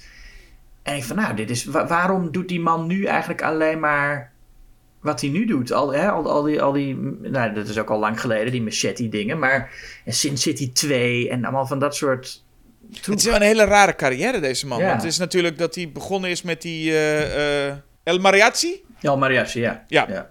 En, maar dat hij ook dus eh, eh, eh, The Faculty of From Dusk Till Dawn, die een beetje in dezelfde categorie vallen. ja. En ook met al die Spy Kids films. Ja, maar die Kevin Williamson, daar begon jij over, dat, en, en voordat ik Robert Rodriguez ertussen gooide. Ik krijg dan de indruk, want het, het, het script was dus van David Wechter en Bruce Kimmel. En toen heeft Kevin Williamson dat herschreven. En ik weet niet wat hij heeft toegevoegd, maar als je Oh, die dat weet- dat je- ik- dat weet je nou, wel. Ik heb inderdaad de indruk, maar dat is dan misschien gewoon omdat dat, een, omdat dat is wat je met Kevin Williamson associeert. Maar dat hij eraan heeft toegevoegd dat ze zeggen van... oh, maar dit heb ik wel eens in een film gezien. ja, maar dat is het toch? er, zit een, er zit gewoon een Kevin Williamson scène in. ja. Dat is, Maar, dat maar, is- is, maar is dat echt zo? Ik bedoel, dat, misschien was die scène er al wel. Dat weet je Eh, niet. En heeft Kevin dat, zou, dat, eh, dat zou kunnen. Dat zouden we moeten opzoeken. Maar ik, ik, ik kan het bijna niet voorstellen dat, eh, dat het niet zo is. Maar wat nee. Kevin Williamson zou ook eigenlijk deze film gaan regisseren. Maar hij koos toch om Teaching Miss Tingle te regisseren. nou, Is het een goede keuze. keuze. geweest? Weet ik niet. nou ja, het is wel een goede keuze geweest voor deze film, denk ik. Denk het ook wel, ja. Eh, als we in ieder geval Teaching Miss Tingle zien. Dan moeten we het ooit eens een keertje over gaan hebben in deze eh, podcast, vind ik. Maar, Hmm. Ja. Ehm, hoe dan ook, deze film. Ik zie hier op de, de, de hoes, heb ik hier... En ik zie eigenlijk heel groot, e- echt opvallend groot, op de hoes staan. Eigenlijk mijn mening over Farisa Balk. Er staat namelijk heel groot op de poster... Sexy and scary. maar echt heel groot. Ja. En ook geen quote erom. Dat is ook niet een quote van iemand. Het is gewoon, dat is Gewoon- de, de tagline. Ah. Sexy en scary. En daarna een heleboel eh, eh, gezichten. Want dat is wel eh, wat Ja. we hier eh, in, in, in The Craft hebben het de hele tijd over die vier actrices gehad. Alle andere eh, acteurs uit de jaren negentig zitten hierin. Mhm. Met, met op de heel groot in ieder geval op de poster Usher. Echt, Ja. maar hij staat echt ongeveer net zo groot als Josh Hartnett. Staat Usher op de poster. Nou ja, goed. Maar had hij dan net zijn eerste grote hit Ja, dat- voordat deze film uitkwam of zo? Daar ga ik van uit. Ja. En hij, hij- nou ja, voor de mensen die het niet weten, Usher speelt hier een nou, vrij klein rolletje, kun je zeggen. Ja, eigenlijk, en zelfs nog met de naam Usher Raymond. Dus hij was, nu, hij was hier nog niet Usher. Nee, ja, was hij wel, maar hij was ook Raymond. Ja, maar Ja. ja. nee, precies. Hij was nog niet de ster die die zou worden. Nee. Ehm, en we komen wel door de, door de nou ja, lijst met echt een, een, een, nou, een, een topcast, maar ook echt gewoon zoveel mensen. Daar komen we allemaal wel, daar gaan we wel doorheen. Ja. Eh, maar we beginnen even met ook wat jij al zei. Ja, het opent en nu horen we de, de Kids Are Alright van The Offspring.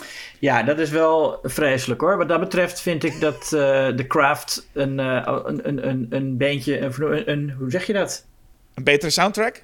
Ja, ik, wou, ik, wou, ik, wou, ik ging zeggen een beentje voor heeft, maar dat is natuurlijk eh, waanzin. Nee, maar kom op, dit is toch, dit is toch, dit is toch heerlijk om, om zo te openen. Nou ja, Dit- het is, het, is, het is lekker om die, die jaren 90 weer te herinneren. Maar ik denk ook, ik ben blij dat die Offspring eh, niet meer eh, gedraaid wordt in, in cafés waar ik zit of zo. Oh jeetje. Ja, vind je dit een leuk nummer? De, de, de Kids Are Alright vind ik, vind ik een leuk nummer. Ja, zeker. Ik vind het vreselijk. Maar ik vind het, het, is- een lekkere sfeer. Het Dan weet ik nu al waar ik deze aflevering van de podcast mee ga openen. Sowieso. Nou ja, zeg Julius, wat is dit nou? Nee, het is, het is helemaal... Nee, die hele Offspring heeft toch een zeikerig gedoe. Het, het, het enige leuke wat ze hebben is dat nummertje van... eh, oh, hey, oh, hey, oh. Dat is dan wel aardig. Maar Ik zeg, je, je, volgens mij zit de helft van het oeuvre van de Offspring, dus ik weet niet welke je nu bedoelt. Maar... self-esteem. Oh ja, oké, Daar kon ik vroeger wel... eh, daar, daar heb ik vroeger nog wel op, veel op eh gemorst. Maar nee, ik vond de Offspring... Nee, nee, nee, nee, Jasper. Oh. Nee, dan liever... nou ja, die, die cover van Our Lady Peace, wat ook een band is die ik verder niet kan. Maar, maar, maar goed, die, die cover is dan... dat is gewoon een goed nummer van de Beatles, dus ja. Oké. Nou ja, goed. Eh daar is, ons eerste meningsverschil al. Ja, ja, ja. Maar, eh, tweede, waar we mee openen is Robert Patrick, Ja, oh ja. ja. onze coach. En, een coach, die, een voetbalcoach, die echt helemaal door het lint gaat, hè? Ja. Dit is echt een man die. die, die en, en het leuke is, dit, dit, de film gaat even in dit zin op, op, over aliens op een school. Mhm. Het is Invasion of the Body Snatchers, of The Thing, hoe je ook wil, eh, op een high school. Mhm. Maar dan is dit een, een, een coach die helemaal door het lint gaat, schreeuwend, wat dan ook. En dit is nog voor die überhaupt een alien wordt. Ja. Dus dit is hoe die is. Maar dan dat is een, gewoon een, een voetbaltraining. En dan doet een, ja, een, een student waarschijnlijk niet helemaal zijn best. En dan loopt hij naar zo'n zo'n zo'n bank toe met allemaal water op. En hij flikkert die hele bank omver. Ja. En eh, ik denk dat is, wel, de professionele houding van zo'n eh, van zo'n coach dan. Ja, nee, dat is gewoon ja, de, de, de typische high school coach natuurlijk.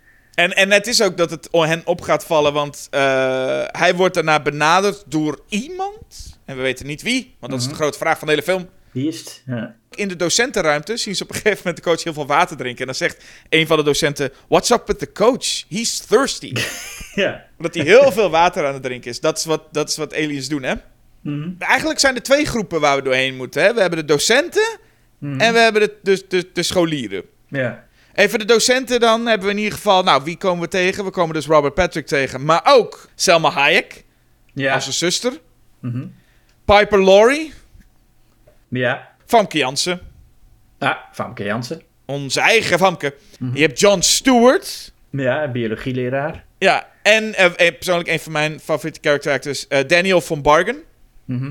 Een heel fijn, leuk clubje bij elkaar. En Harry Knowles loopt daar ook nog rond. eh, in Ik die- dacht in die- al, is dat, is dat Harry Knowles? Ja, die wordt Oh. ook Harry genoemd. En ja, dat is dan... Harry Knowles, voor mensen die het niet weten, is een... eh, was ja, een beetje de, de, de vader van het internet eh filmnerdschap, zeg maar. Hij was een van de eerste mensen die een website had over film Ain't It Cool News, heette dat. En daar schreef hij... Ja, heel slecht. Ik, als je dat nu terugleest, denk je... Hoe is dit ooit populair geworden? Het is echt onleesbaar wat hij schrijft. Oh. Uh, maar, en, maar heel erg nerdy en fanboy-achtig over al die films. En uh, hij hing toen ook met een paar regisseurs en, en was dan uh, goed bevriend met, met mensen. En inmiddels is hij ook vanwege allerlei beschuldigingen van seksueel over, grensoverschrijdend gedrag uit de gratie geraakt. Ja. Maar dat is Harry Knowles. Ja. Oh, de lekkere downer, dat ik lekker bezig was met een leuke cast. Maar dat, nee, dat hoort erbij. Dat hoort erbij. Hij, ook hij zat erin, Ja. maar is eh, eh, meer een, een, een veredeld... Het is meer een cameo, dit wat hij heeft. Ja, ja, ja, zeker. Deze docenten, daar beginnen we eigenlijk mee. Eerst Robert Patrick, maar daarna zien we nog wat meerdere docenten. En dan wordt Miss Drake eh, wordt aangevallen door Robert Patrick. En dan krijg je eigenlijk je eerste wending. Vond ik. Leuke eerste wending al. Want eh, eh, mevrouw Drake wordt aangevallen door Robert Patrick. Dat weten we inmiddels dus al van... Je is al geturnd. ja, maar je hebt ook de, dat, dan, nee, die arme, on- on- onschuldige, lieve eh, docenten eh, die gespeeld wordt door Piper Laurie. Maar wat blijkt, Piper Laurie, mevrouw Olsen, is ook een Is ook alien. al gepakt. Ja. En dat vind ik het, het, het, het, het leuke van deze film is, het eigenlijk twee kanten. Je hebt nou, er wordt namelijk ergens, dat is al ver in de film, wordt er eh, een theorie, komt er op tafel wat ook klopt. Er is een hoofd eh, soort eh, koningin. Als je die zou doden, als, als, dat is de, de hoofdverantwoordelijke, maar als je die zou doden, dan wordt iedereen weer normaal. Ja. Door dat te weten, weet je ook, oh, er valt er misschien is er niet zo heel veel op het spel. Anderzijds is het wel zo dat je daardoor deze hele film, heel veel mensen kunnen daardoor besmet raken. Ja. In principe is het in dit soort films zo, als dat niet zo was, dan waren al, sowieso alle jongeren die we nu gaan leren kennen, daar zouden de meesten niet van, nou, dan willen ze de meesten niet dood hebben, zullen we maar zeggen. Ja. ja. En nu gaat deze film best ver daarin, dat we echt veel mensen eh, turnen. Ja. Ja, het begint bij de docenten. Ja, dat is, dat is, dat, en dat- en dat maakt het ook meteen een leuk, ehm, nou ja, beetje anti, het wantrouwen jegens de autoriteit speelt het mooi op in. Hè? Wat, wat pubers van nature natuurlijk hebben. Van je kunt je docenten niet vertrouwen, je kunt je ouders niet vertrouwen, die geloven je niet. Je, bent er, je staat er helemaal alleen voor. Ja, zullen we de cast gewoon, de, we hebben ook nog de jongeren. Laten we de jongeren even doen. En dat is ook leuk, want als de eh, jongeren worden geïntroduceerd, onder natuurlijk een, een, een, rockliedje, eh, Ja. komen de eh, namen ook van de personages er even bij. Ja. Eh, is, is, is, eh, is handig meteen ook. Ja, het is een stelmiddel dat niet echt in die film blijft. Het is gewoon even hun namen zien we dan. Ja, volgens mij hadden de mensen tijdens de montage hadden ze eigenlijk ook door van, dit zijn wel veel mensen die we nu allemaal gaan introduceren, hè? dus we moeten even snel... ja. Laten we, laten we even de boel op stil zetten. En dan krijg je dus Casey de nerd, dat is Elijah Wood. Mhm. Stokely, de... Ja, Stokely is... is Claire Duval speelt er. Ja, En- een, een, een loner die... Ja, ja, ik wou zeggen goth, maar dat is niet echt. Ze is wel helemaal in zwart is gekleed. En een- ik, zou, ik zou zeggen een alto. Als dat, als dat woord in, eh, in, in Amerika ook gebruikt zou worden, zou ze dat eh, zijn. zou ze dat meer zijn, ja. Dan heb je eh eh Delilah, dat is echt de populaire girl, maar ook wel de, de, de, ja, de, de journalist. Ik weet niet of dat echt, dat is niet echt een typetje voor, voor in een... eh, Nou, je hebt wel, dat is, ik, in een aantal Amerikaanse high school films heb je dat, dat dan de schoolkrant een heel ding is. En ik weet niet of dat nou echt zo is in Amerika. En dat ook, want zij is ook een cheerleader, maar ze werkt ook voor de schoolkrant. En ik weet niet of het nou echt zo is in Amerika, dat de schoolkrant gerund wordt door de, de populaire kids, zeg maar. En Nee. dat die ook echt de hele tijd op zoek zijn naar verhalen en roddels over... over eh, docenten ook. over docenten en dingen. En, want eh, ik weet niet, ik- dat, misschien is het wel zo. Maar op, mijn mij school was de schoolkrant. eh, daar zat ik in de redactie. En dat was nou niet iets waar, waar de jock... Nou goed, in Nederland hebben we ook niet echt dat jocks en cheerleaders gedoe. Maar die types die zaten niet in de schoolkrantredactie in elk geval. Nee, in jullie schoolkrant heb je, eh recenseerde je films als Hannibal, toch? Ja, nou dat was, dat was de, van mijn eerste middelbare school. En de Oh. tweede... Nee, maar dat- dat- inderdaad ook, ja. Ook maar niet het, eh, wat ze, zoals ze hier doen, niet het drankprobleem van een docent wordt aangekaart. Nou, we hebben wel een keer in de, in, in de schoolkrant eh, waar ik later bij zat, is ooit. Maar er werd heel veel verzonnen over leraren. En dat was dan altijd een beetje voor de grap. En iedereen wist ook wel dat dat niet, niet echt was. Maar één keer hadden we, eh, had iemand bedacht, een bepaalde leraar, dat hij dat impotent was. En dat was dan gewoon als grap, was in een roddelrubriek. Maar dat bleek toen dus echt zo te zijn. Oh nee! Ja, Oh, dus dat was wel... eh, dat is niet fijn. ja, nee, dat was helemaal niet fijn. Nee, onze schoolkrant heeft wel, ik had wel vaak eh, problemen mee. Ja. Met, met de censuur van de. Ja. Nee, maar goed, de schoolkrant bij ons was dus niet. Het, dat ging ook niet echt over, over, over de school. Wij gingen dan, ik herinner dat we, we hebben nog, we gingen Dolf Jansen interviewen. heb ik een keer gedaan. En we schrijven ook recensies van cd's en zo. Hmm. Maar nooit echt iets over dingen die op school gaande waren. Nee. Nou, hier, hier wel. Ja. Georgiana Brewster eh, speelt, eh, speelt- en neemt, neemt het ook heel serieus uiteraard, deze schoolkrant. Ja. En Elijah Wood, de nerd Casey, is ook, eh, is ook fotograaf. Dus die fotografeert ook voor die schoolkrant. Ja, en hij zit dus ook wel nerds bij. Dat is, eh, ja. Eh, dan heb je ook nog naast natuurlijk de, de, de, de coole guys, de football guys dan. En dan heb je onder andere Stan. Gespeeld door Sean Hatoshi. Ik heb nog nooit van hem gehoord. Nee. Zijn, ja, zijn collega voetbalguy is dan Usher. Mhm. ja. Zijn verhaal van Stan is eigenlijk dat hij een voetbalguy is, maar hij wilde mee stoppen. Ja, hij wil zich meer op academische dingen richten. Hij wil gewaardeerd worden om zijn eh, intelligentie. En ik vind die eh, Delilah Profit dan wel, wel leuk. De, de, de, de, de, de Jenna Brewster eh, cheerleader. Want dat is wel, ze is een beetje een, een bitchy type. Maar ze heeft ook een soort. Een, een, ze weet dat ook van zichzelf. En ze zegt ook van ja, maar dat is nou eenmaal de sociale orde. Dat als ik een cheerleader ben, ja, dan moet ik met een, met een, met een jog gaan. En niet met een eh, wannabe academic. Nee, ja, zij, weet, zij weet hoe het zit qua eh, eh, stereotypes. Ja. Want op een gegeven moment vraagt ook Elijah Wood aan haar van waarom pest je mij toch? En dan zegt ze, ja, well, you're that geeky Stephen King kid and Ja. there's one in every school. Ja. Ik denk dat dit trouwens een quote van Kevin Williamson is. Maar hey, dan heb je het nieuwe meisje. Er is ook een nieuw meisje, Mary Beth Louise Hutchington. Ja, vind, dat vind ik de leukste rol van Laura Harris. Die is eh, heel erg goed. Met haar, met haar eh, hele, hele vette accentje. En loopt ze daar rond. En kijk, dan heb je alle personages ongeveer gehad. En, en al die character traits, stoer, slim, nerd, maar ook niet nerd, cool, moet je allemaal samenvoegen. Ja. En dan krijg je Josh Hartnett. Ja. Want Josh Hartnett is alles, maar dan ook echt alles in één persoon. Nou ja, hij is, dat is, hij is een beetje dat mysterieuze type dat ook een soort cliché is in Amerikaanse high school films. Wat ik me ook afvraag hoe, hoeveel van dat soort gasten er nou echt op school rondlopen. Heath Ledger in Ten Things I Hate About You is ook zo iemand. Van Ja, de, ja. de mysterieuze loner die, die ook wel heel geliefd is en gevreesd.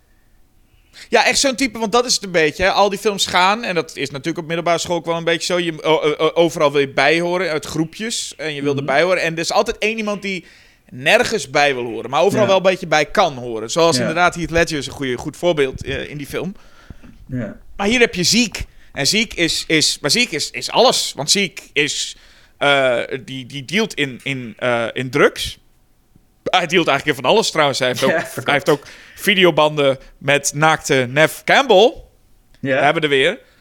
Ehm, althans, dat, we zien er niet. Maar en Jennifer Love Hewitt heeft hij op, op videoband. Naakt. Ik weet niet hoe dat werkt eigenlijk. Maar hij heeft, Ja, vraag me ook af wat er op die banden staat. hij heeft ze naakt op video. Ja. En die verkoopt hij ook vanuit zijn kofferbak. Maar ook drugs. En die drugs maakt hij dan ook zelf. Want hij is ook een eh, scheikundig. Is hij, Mhm. eh, hij, is, hij, is, hij is mega slim, deze man. Ja. En hij is ook super cool. Want hij draagt wat iedereen ook in die tijd droeg. Zijn, zijn, zijn, zo'n witte longsleeve met een t-shirt eroverheen. Oh ja, ja. En, ehm, en zijn baggy broek. En ook dat haar, hè? Dat haar, dat is, daar werd in, in Halloween H2 al een opmerking door El Cool over gemaakt. Maar hier ook zo'n lekkere out-of-bed look. Ja. Zo'n Ja. soort van bloempotkapseltje. Ja, ik zag, van, die- ik zag vanochtend in het zwembad nog een, een middel, vrouw van middelbare leeftijd met precies dat kapsel wat hij daar heeft. Ja, toen was het nog... Ja, hoe, hoe, hoe, hoeveel er veranderd is in eh, 25 jaar. Ja, maar eh, ja, en het is, het, is, het is een en al coolheid, deze, deze Ja. Josh Hartnett. George Hartnett. Nou ja, en dat kan hij ook goed hoor. Ik bedoel, hij wordt dus nou een beetje, is een beetje, een, een, ja, een beetje laatdunkend vaak over gedaan. Maar dit doet hij gewoon heel goed. Is hij inmiddels niet een beetje... Hij heeft een soort comeback toch nu? Nou, ja, ik zat zijn IMDb te bekijken. En het is een soort, allemaal films uit een parallel universum of zo, waar hij in zit. allemaal films waarvan ik nog nooit gehoord heb, maar die er wel dan Oh. eh, best groot uitzien. Eh, en, en, maar titels als, eh, even kijken hoor, Ida Red, ehm, Most Wanted, Inherit the Viper, She's Missing, The Lovers. Maar best wel groot uitziende films allemaal. Maar, eh, en ik weet dat hij in, in, eh, in Japan, geloof ik wel, eh, nog een grote ster was. Dus hij zit dan ook in een paar Japanse films. Lucky Number 11 weet ik dat ik wel leuk vond. Ja, die vond ik ook wel leuk toen die uitkwam. Ik heb geen idee hoe ik die nu zou vinden. Maar dat is allemaal wel inderdaad ook lang geleden, zit ik nou te bedenken. Dat is eigenlijk Maar niet... Guy, Guy Ritchie heeft wel iets met hem, want hij zit wel in twee recente Guy Ritchie films: Wrath of Man en Operation Fortune. Maar ja, dat is. Dat zegt mij ook, nee, ook Guy niks. Ritchie die is ook. eh, nou. Nee, maar hij gaat in ieder geval in Oppenheimer spelen van Christopher Nolan. Oh ja, dat zag ik ook staan. Ja, Dat zal wel iets groots zijn dan.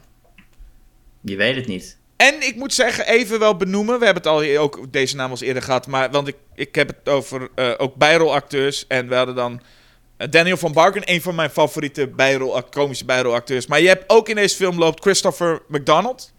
Hm. En dat is ook een van mijn Ja. grote favorieten. En die loopt rond als de vader van, eh, van eh, Casey. En Christopher McDonald kun je kennen als, Ja. als, als zijnde de, de... Nou ja, die, die, die, die kan altijd zo fantastisch fijn eh klootzakken spelen. ja, dat heeft ook zo'n zo'n klootzakkenkop, hè? ja, maar dat, dat je, oh, wat, wat, wat een lul is dit. Ja, maar dat doet hij zo heerlijk altijd. Dat vind ik zo fijn. Maar hij speelt hier dan de vader, maar alsnog een enorme klootzak. Maar hij doet niet eens heel echt iets, maar hij is- nou, het Nou, hij, hij doet wel een paar kloterige dingen, toch? Ik bedoel. Nee, eh, hij gelooft gewoon zijn zoon niet. Maar ja, dat snap ik wel. Als Nee, niet hij, hij gelooft gewoon zo niet. Hij, hij, zei, hij zegt, omdat hij die zoon... Hij denkt... Nee, die moeder die wil die zoon dan eh, eh, een, eh, naar, naar een psychiater sturen. Omdat die, want Elijah Wood heeft in de gaten dat er enge aliens zijn. Of in elk geval dat er iets mis is. En hij zegt, ja, die en die hebben die en die aangevallen. En dan zegt zijn moeder van, nou ja, we kunnen je wel naar een professional sturen.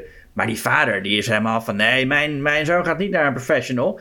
Je gaat gewoon normaal doen. En, eh, en, ik ga alle, en dan haalt hij zo alles uit zijn kamer weg. Het internet, de telefoon, zelfs de cd-speler.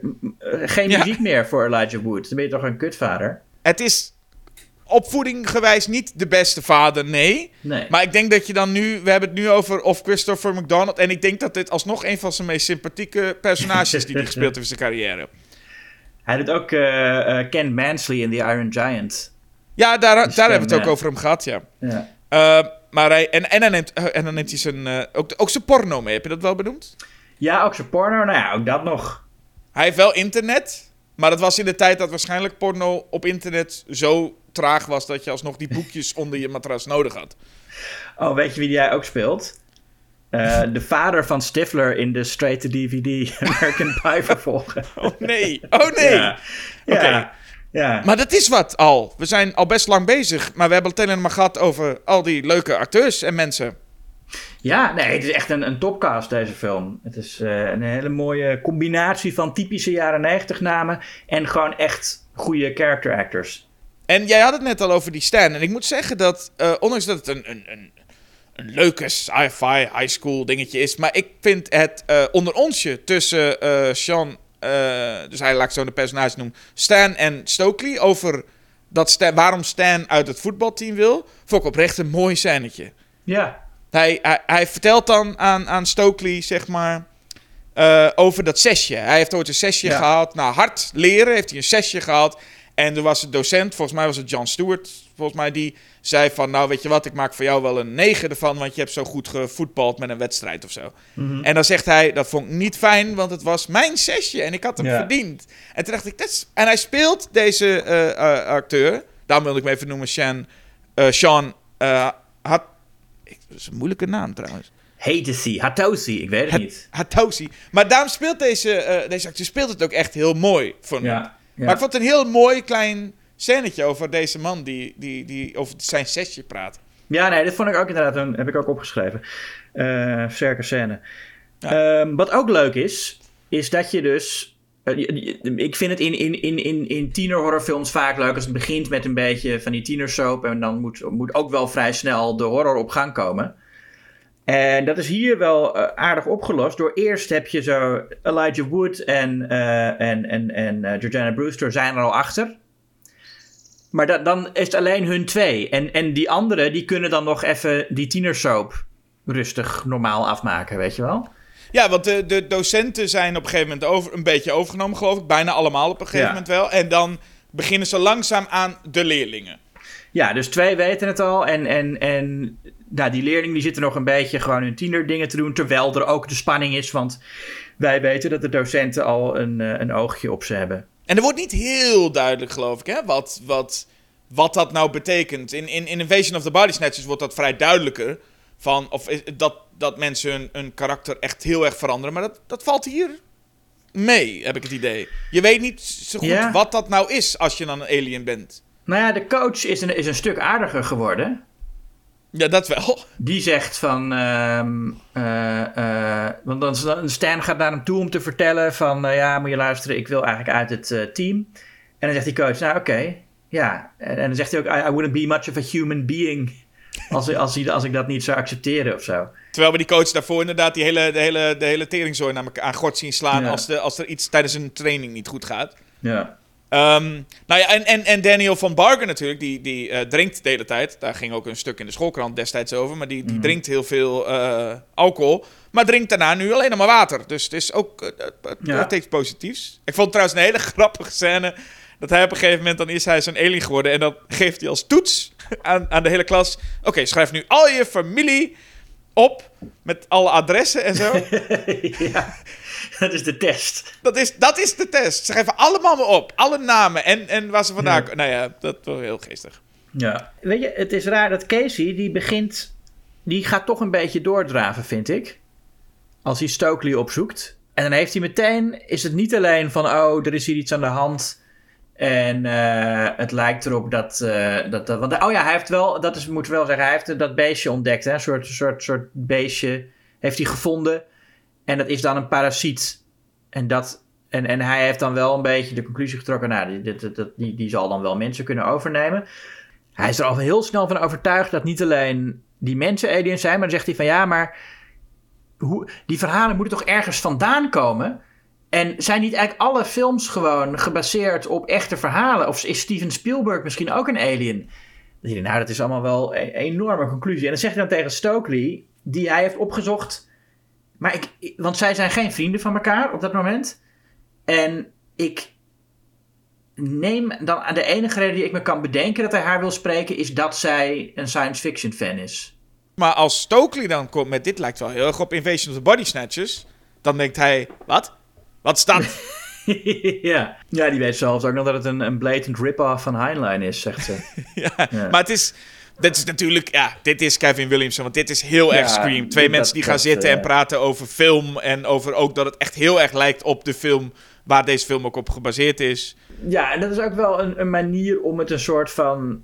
Als, als, dat, als dat er niet in zat, dan zou je zeggen... ja, de faculty is wel een beetje een rip-off van Invasion of the Body Snatchers.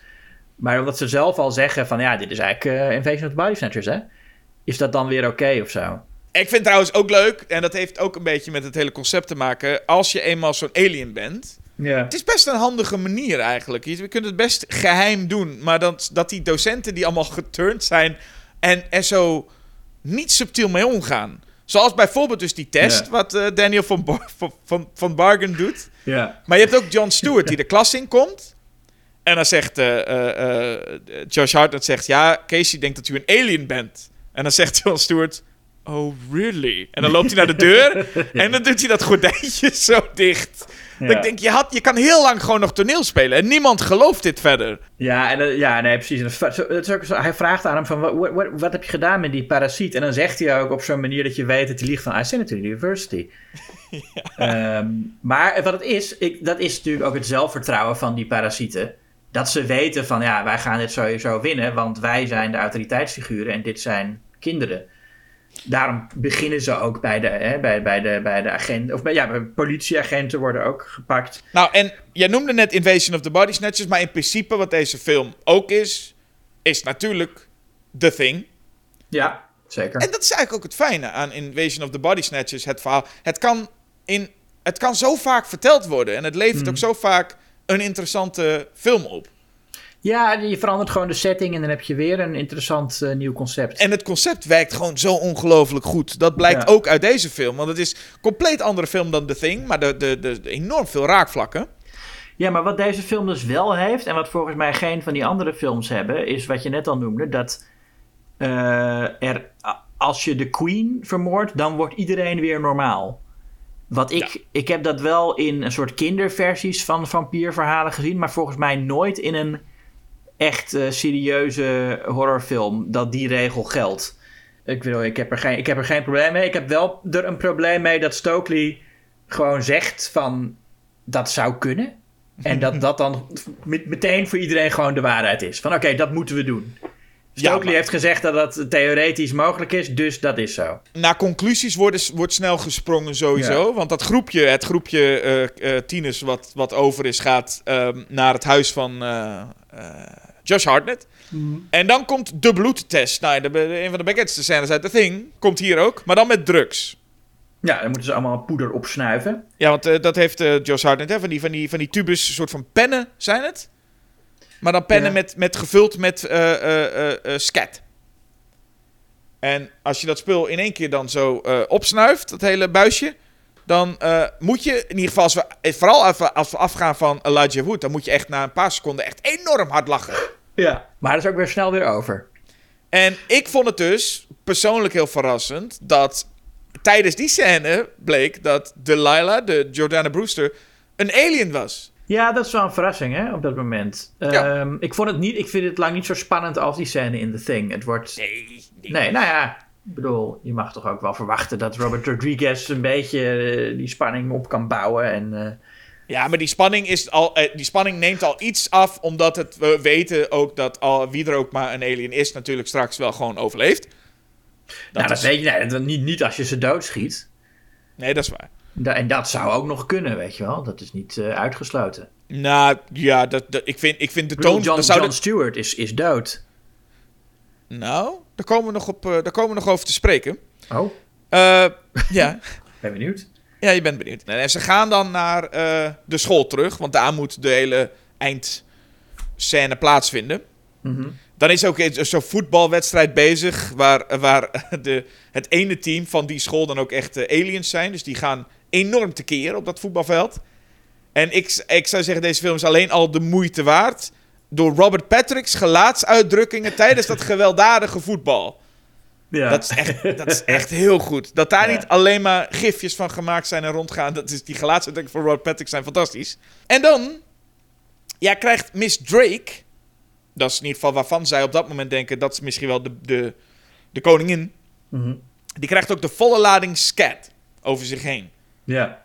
Maar wij weten natuurlijk al dat die mevrouw Miss Drake is het niet. Dat weten wij Ja. al zeker. ja. Julius, wie is het nou uit al die tijd? Nou ja, dat is wel iets wat je op zich eh, had kunnen zien aankomen. Eh, mocht, mocht je een beetje opgelet hebben. Het is natuurlijk eh, Mary Beth Louise Hutchington. Maar was het heel overduidelijk? Nou, je, ik, ik vond van wel. Ehm, kijk, zij is natuurlijk. eh, Zij, zij, is, zij is de nieuweling. eh, het, en is heel erg. Aan het begin is ze meteen heel eh, vrolijk en vriendelijk. En zoekt ze met iedereen contact natuurlijk. En dan denk je al van, nou, dat is wel een grappig personage. Maar op het moment dat, zij, dat, dat ze die test gaan doen, hè, met die, nou goed, de, de thing scène, zeg maar, dat ze die drugs gaan snuiven. Ja. Dan zegt zij, ja, ik ben er allergisch voor. En dan snuift ze het alsnog. Ja. En dan, en dan gebeurt er verder niks. En dan denk je, nou ja, er moet een reden zijn dat zij zegt, ik ben er allergisch voor. En het dan alsnog doet. En nou, dat, dat betekent gewoon dat ze dat niet heeft gedaan. En je ziet ook bij een paar van die mensen die die, die test namelijk doen in die scène... houden ze hun hand voor het buisje, zodat je niet ziet dat dat poeder naar binnen gaat. ja. Dus in die scène zijn er een paar waarvan je niet zeker weet of ze het nou wel of niet eh, ingenomen hebben. Waaronder zij, en ja, nee, voor mij was dat vanaf dat moment wel duidelijk dat zij eh, eh, uiteindelijk de queen zou zijn. Wat ik vooral grappig vind is als ze dan inderdaad met die. Dat, dat, denk, dat, wij, dat, dat de review komt van. Ah, het was Mary Beth. Dan, dan leg, leggen ze ook even uit hoe zij die snuiftest heeft gedaan. Ja. En dan zien we dat haar neus eh, even dicht gaat als ze het snuift. Maar dat ze dan ook een gigantische tentakel heeft waarmee ze de onderkant van die buis weghaalt. En dat dat poeder eruit valt. Ik denk dat, is, dat dat niemand opgevallen is. Dat ineens iemand een gigantische tentakel heeft. Maar ja, ja, want je wordt best wel in de gaten gehouden op dat moment. dat, Ja. dat heeft ze toch maar even zo kunnen doen. ja. Nou ja. En, en alsnog loopt het groepje. Kijk, en eigenlijk is het ook stom, want dan, dan, dan Mary Beth laat weten wie, wie, wie ze is. Maar verandert dan ook in, in een soort groot monster. Mhm. En dat is eigenlijk helemaal niet, helemaal niet praktisch. Want, Nee, want dan wordt ze veel te groot voor, voor die... eh, ze heeft zo'n onderrondje met Stokely. mhm. En daarmee vertelt ze eigenlijk wie wie ze is. Maar dan denk je, maar juist dat hele stiekeme wat je kan doen als zijnde zo'n alien... eh, is, is, je, is je ultieme kracht. Dus waarom zou je dat ooit gaan vertellen? Daar heb je helemaal niks aan. Nou ja, goed, ze weten Stokely ermee te pakken. Uiteindelijk weet Stoke, maar ik denk Ja. dat dat vooral gebeurt in het zwembad. Ja, maar op het moment dat ze in, in, in het zwembad doken, krijg ik even een, een, een Gremlins eh, gevoel. Oh. Van, eh, nou, want, want die beesten vermenigvuldigen zich in water. Ja, dat doen ze, hè? Dat doen ze. Dus ik dacht van, oh, nou komen er misschien eh, een heleboel. Nou, ze vermenigvuldigen zich, maar ze hebben ook op een of andere manier gewoon water nodig. Ja, iedereen heeft water nodig. Nee, maar zij hebben, ik bedoel, zij Meer. drinken, zij drinken superveel. Dus ja, nee, ze hebben meer water nodig dan mensen, ja. Ja, en dat vertelt Ja. eh, deze Mary Beth ook. Die vertelt aan Casey ook een soort van backstory. Met haar plan zij, zij komt van een planeet vol met oceanen. eh, maar deze begon eh, op te drogen. ja. En ik moet zeggen, best wel toffe visuals vond ik het. Naakte Mary Beth. Met allemaal van die schaduwtentakels om haar heen. Ja, dat is wel het soort, het soort slick horror esthetiek waar Rodriguez eh, toen wel goed in was. Beetje- Ja, het is nou ja, goed, sexy en scary, zoals de poster eh, zegt. En dat is. En Elijah Wood eh, eh, is een beetje de held, hè? Dan. Wordt, ja, wordt een beetje de held. Nou ja, Nou, het monster komt klem te zitten tussen, achter de tribune. Is ook niet super slim, per se, van dat monster. nee, als, als het monster op dat moment gewoon weer terug veranderd was, dan was er weinig, eh, had hij... eh, eh. En, en als Elijah Wood onder, dat, dat, het, hè, onder zo'n tribune gaat rennen, ja, dan hoef je er niet meteen achteraan, zou ik zeggen. Nee, ook dat. Je kunt ook even wachten, hij komt er vanzelf onder vandaan of zo. Ja. Maar goed, in ieder geval, nou ja, hij is de held, het monster is verslagen. En dus alle mensen weer terug naar zichzelf. Mhm. Behalve, geloof ik, Miss Drake dus. Die zien we niet meer, maar die kreeg die hele lading sket over zich heen. Ja. Dus die arme Miss Drake is helemaal, is helemaal gewoon, gewoon, gewoon opgelost. ja, die is weg. Wie ook weg is, is die ene die, die, die, te oud was. Oh ja, die arme Die- dame. Ja, die, wat trouwens wel een van de meest, ik denk al de meest gruwelijke eh horrorscène is qua, ehm van viscerale, eh, licha- qua lichamelijkheid. Dat is bijna een beetje Shining-achtig met die oude vrouw. Die dan op, op, op eh, Stan is het volgens mij staat onder de douche. En dan komt die zo'n oude naakte vrouw op hem aflopen.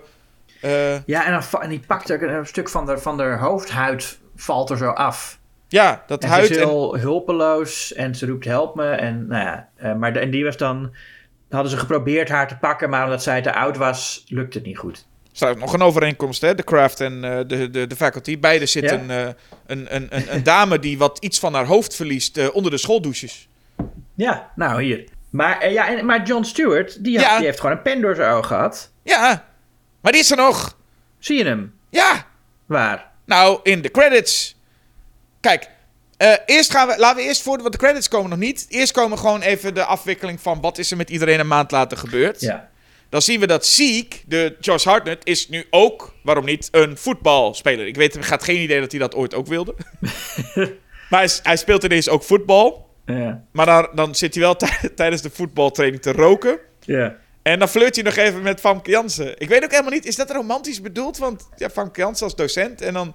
Ja, ik, dat, dat zal wel. Maar Stan heeft nu een relatie met Stokely. Ja, En- die is eindelijk uit haar schulp gekropen. Eindelijk. En dat betekent gelukkig dat ze... Want dat, zou, dat is echt het ergste, dat gun je niemand. Maar nu draagt ze ook geen zwart meer. maar heeft ze ineens kleurrijke jurkjes en zo aan. Ja. ja, het hele ding met haar. Dit was ook een beetje, zeg maar, queer representatie in de jaren negentig. Dat zij dan. Zij zegt dat ze lesbisch is. En andere mensen zeggen het ook over haar. Maar dan zegt ze op een gegeven moment: ja, maar dat is eigenlijk maar een ding om mensen op afstand te houden. ja. dus het einde is dan dat ze inderdaad, het, het was, het, ik had het leuk vonden als ze dan uiteindelijk gewoon wel echt lesbisch was. Maar nee, ze, dat, dat is niet zo. Het wa- Het was echt gewoon maar een... eh, En ze wilde eigenlijk ook helemaal niet zwarte kleding dragen. Maar dankzij Stan, dankzij Ja. die relatie, kan ze eindelijk kleur dragen. Eh, beetje zoals hoe heet ze in de Breakfast Club. ja. En, en eh, voor Casey, dus Elijah Wood, is het helemaal fijn. Want die is nu Ja. geen nerd meer, want hij is de held. Dus mag hij een relatie hebben met Jordana Brewster. Ja, die ook totaal niet die is qua persoonlijkheid helemaal niet veranderd. Hè? Die is niet minder oppervlakkig geworden of wat dan ook. Nee, die, is, die, is gewoon, die was al gewoon zoals ze Ja, was, die zat ook de hele tijd homofobe opmerkingen te maken naar Stokely. En dat is ook eh, allemaal, nou ja, oké, want ze krijgt wel gewoon eh, een, het, het, happy, het happy end. En ik, de, de, de film lijkt zich ook wel enigszins bewust te zijn van hoe cynisch dat eigenlijk is. Dat, ze, dat Elijah Wood nu ja, die relatie heeft omdat hij inderdaad iets gedaan heeft waardoor hij de held is. En blijkbaar ook zelfs in Time Magazine eh, staat. Hoewel heel veel mensen het verhaal niet geloven. Nee. Eh, staat toch in Time Magazine. En dan zegt hij ook van, nou, het is toch eh, bijzonder hè, hoe, hoe alles verandert. En dan zie je een andere jongen die... Aan, helemaal aan het begin van de film wordt Elijah Wood namelijk door een paar gasten opgepakt... en rennen ze naar de paal waar de vlag hangt... om hem daar met zijn met ballen tegenaan te eh, smijten. Ja. En helemaal aan het einde zie je dat met een andere jongen gebeuren. En dat, terwijl Elijah Wood dan met eh, Jordana Brewster zit te chillen. En dan zegt hij, ja, het is, eh, heel, het is allemaal veranderd.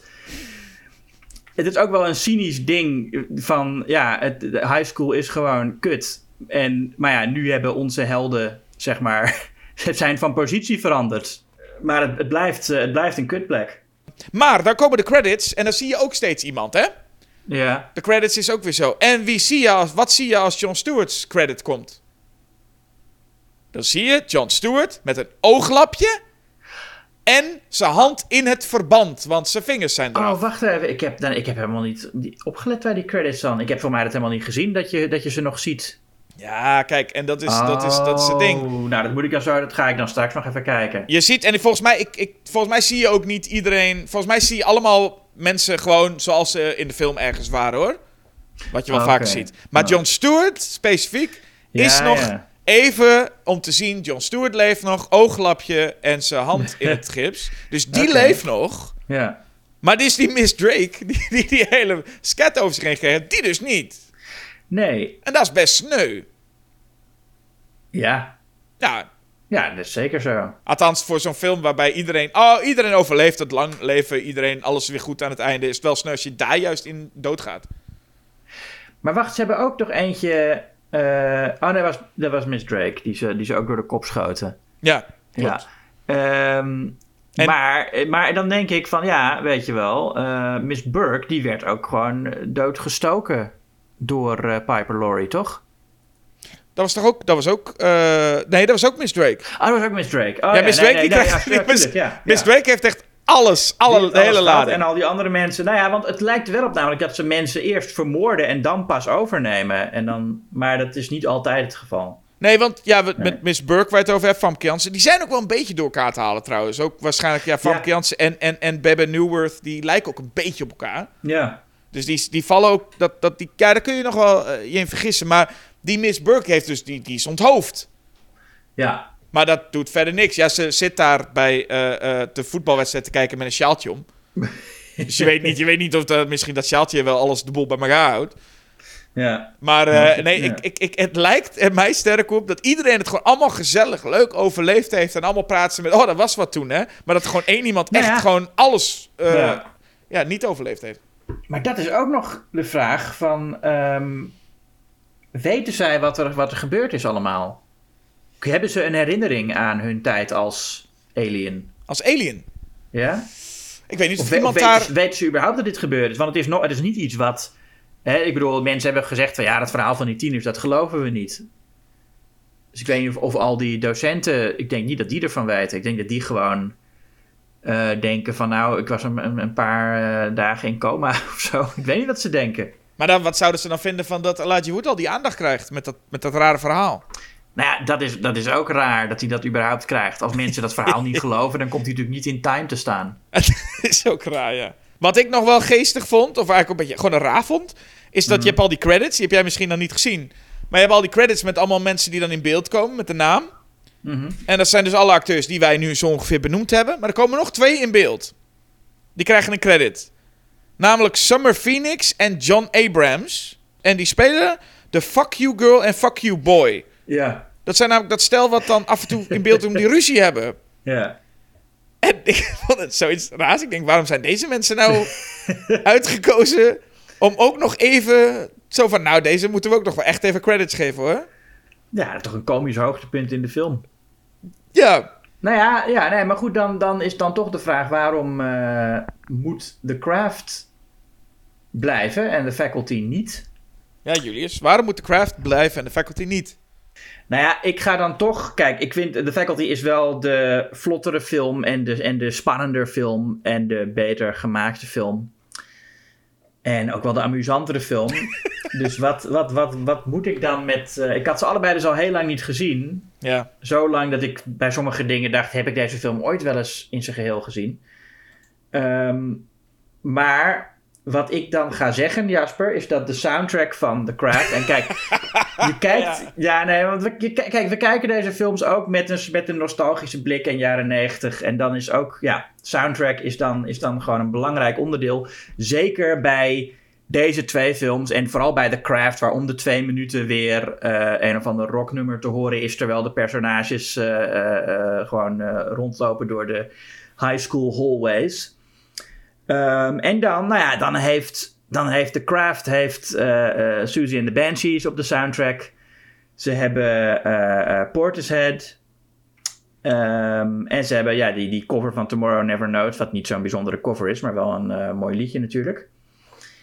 En ja, als je dat dan vergelijkt met The Faculty, daar heb je ja, nou ja, The Kids Aren't Alright van The Offspring.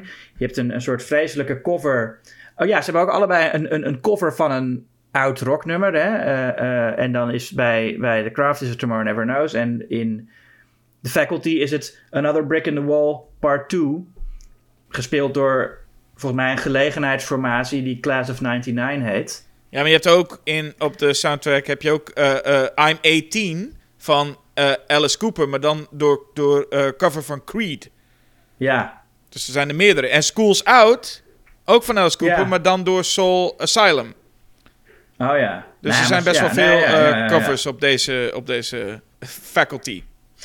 Is dat I'm 18? Is dat wat van... eh ehm, I'm a man. Dat is een beetje hoe Creed zingt, toch? Ja, I'm Ja. ja, nee, dat.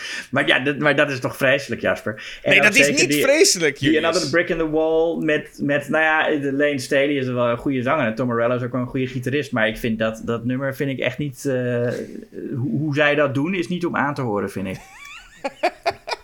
nee, nee. Dus ehm, puur om de soundtrack ga ik zeggen dat The Craft het voor mij wint. Zo. Nee, maar nee, en, en, en, en Fairuza Balk. Ik vind wel, we moeten haar toch nog even die credit geven.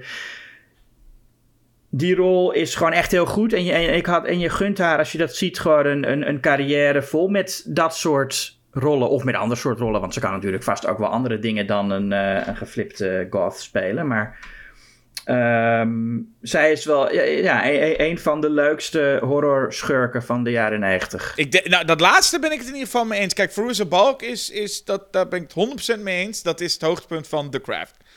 Ehm, maar voor elke Veruza Balk heb je ook een Skeet Ulrich in The Craft. En, en dat is wel een beetje waar de, de, de, de rest is, is lang niet zo memorabel. Ik vind ook The Craft verder niet zo memorabel qua... eh, Het, het is niet grappig. De film is niet grappig. Film is niet eng. Hij is, hij is, ik vind de personages niet heel, heel veelzeggend eigenlijk. Ehm, er wordt wel oké geacteerd, maar ook het, is allemaal, nee, nee, het is allemaal oké op zijn best, gok ik. Ehm, de faculty is op heel veel vlakken meer dan oké. Het is op, ik vind het een van de leukste casts die ik bij elkaar ken. Het is echt een ongelooflijk, dat, is het vooral. Kijk, The Craft is een leuke film. Maar The Faculty is echt een leuke film. Daar zit het grote, grote verschil. Dus er is voor mij in deze echt 0,0 twijfel. Maar die kans is wel aanwezig dat de, dat de luisteraar een twijfel heeft hoor. Oh, die kans is zeker aanwezig, ja? Ik vind dit nog niet op papier nog niet echt een gelopen race per se. Nee, nee, zeker niet. Kies maar, Faculty of the Craft. Ik, ik, ik ben benieuwd wat eruit komt. Anders ik wel. En eh, tijdens dat kiezen moet je ook eventjes eh, je, like, eh, je abonneren op de podcast en liken en recensies achterlaten en sterwaarderingen. Waar het maar kan. En tevens een abonnement nemen op het tijdschrift Schokkend Nieuws. Op het moment dat je dit hoort, verschijnt ons nieuwe nummer nog niet, maar wel bijna. En het gaat over vervoer. Tenminste, er zit een, een, een vervoer special in. En daarnaast gaat het ook nog over allerlei andere eh, filmgerelateerde zaken.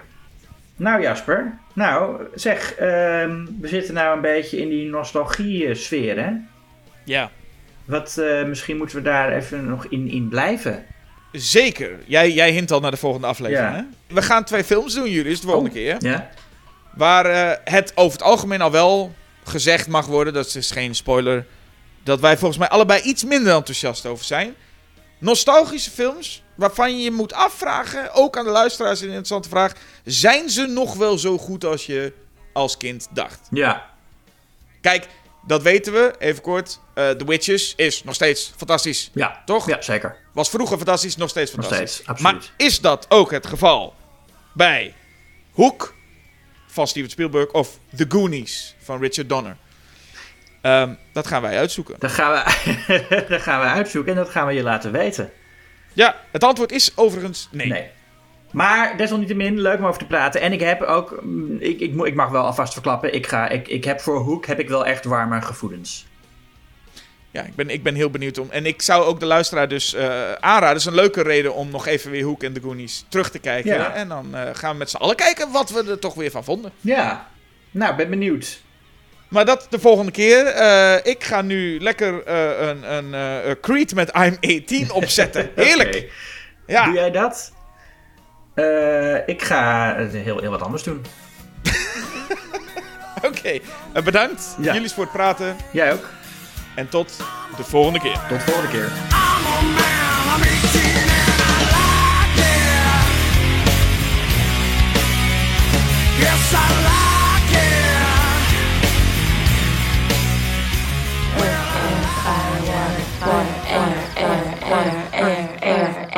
air, earth, air, fire,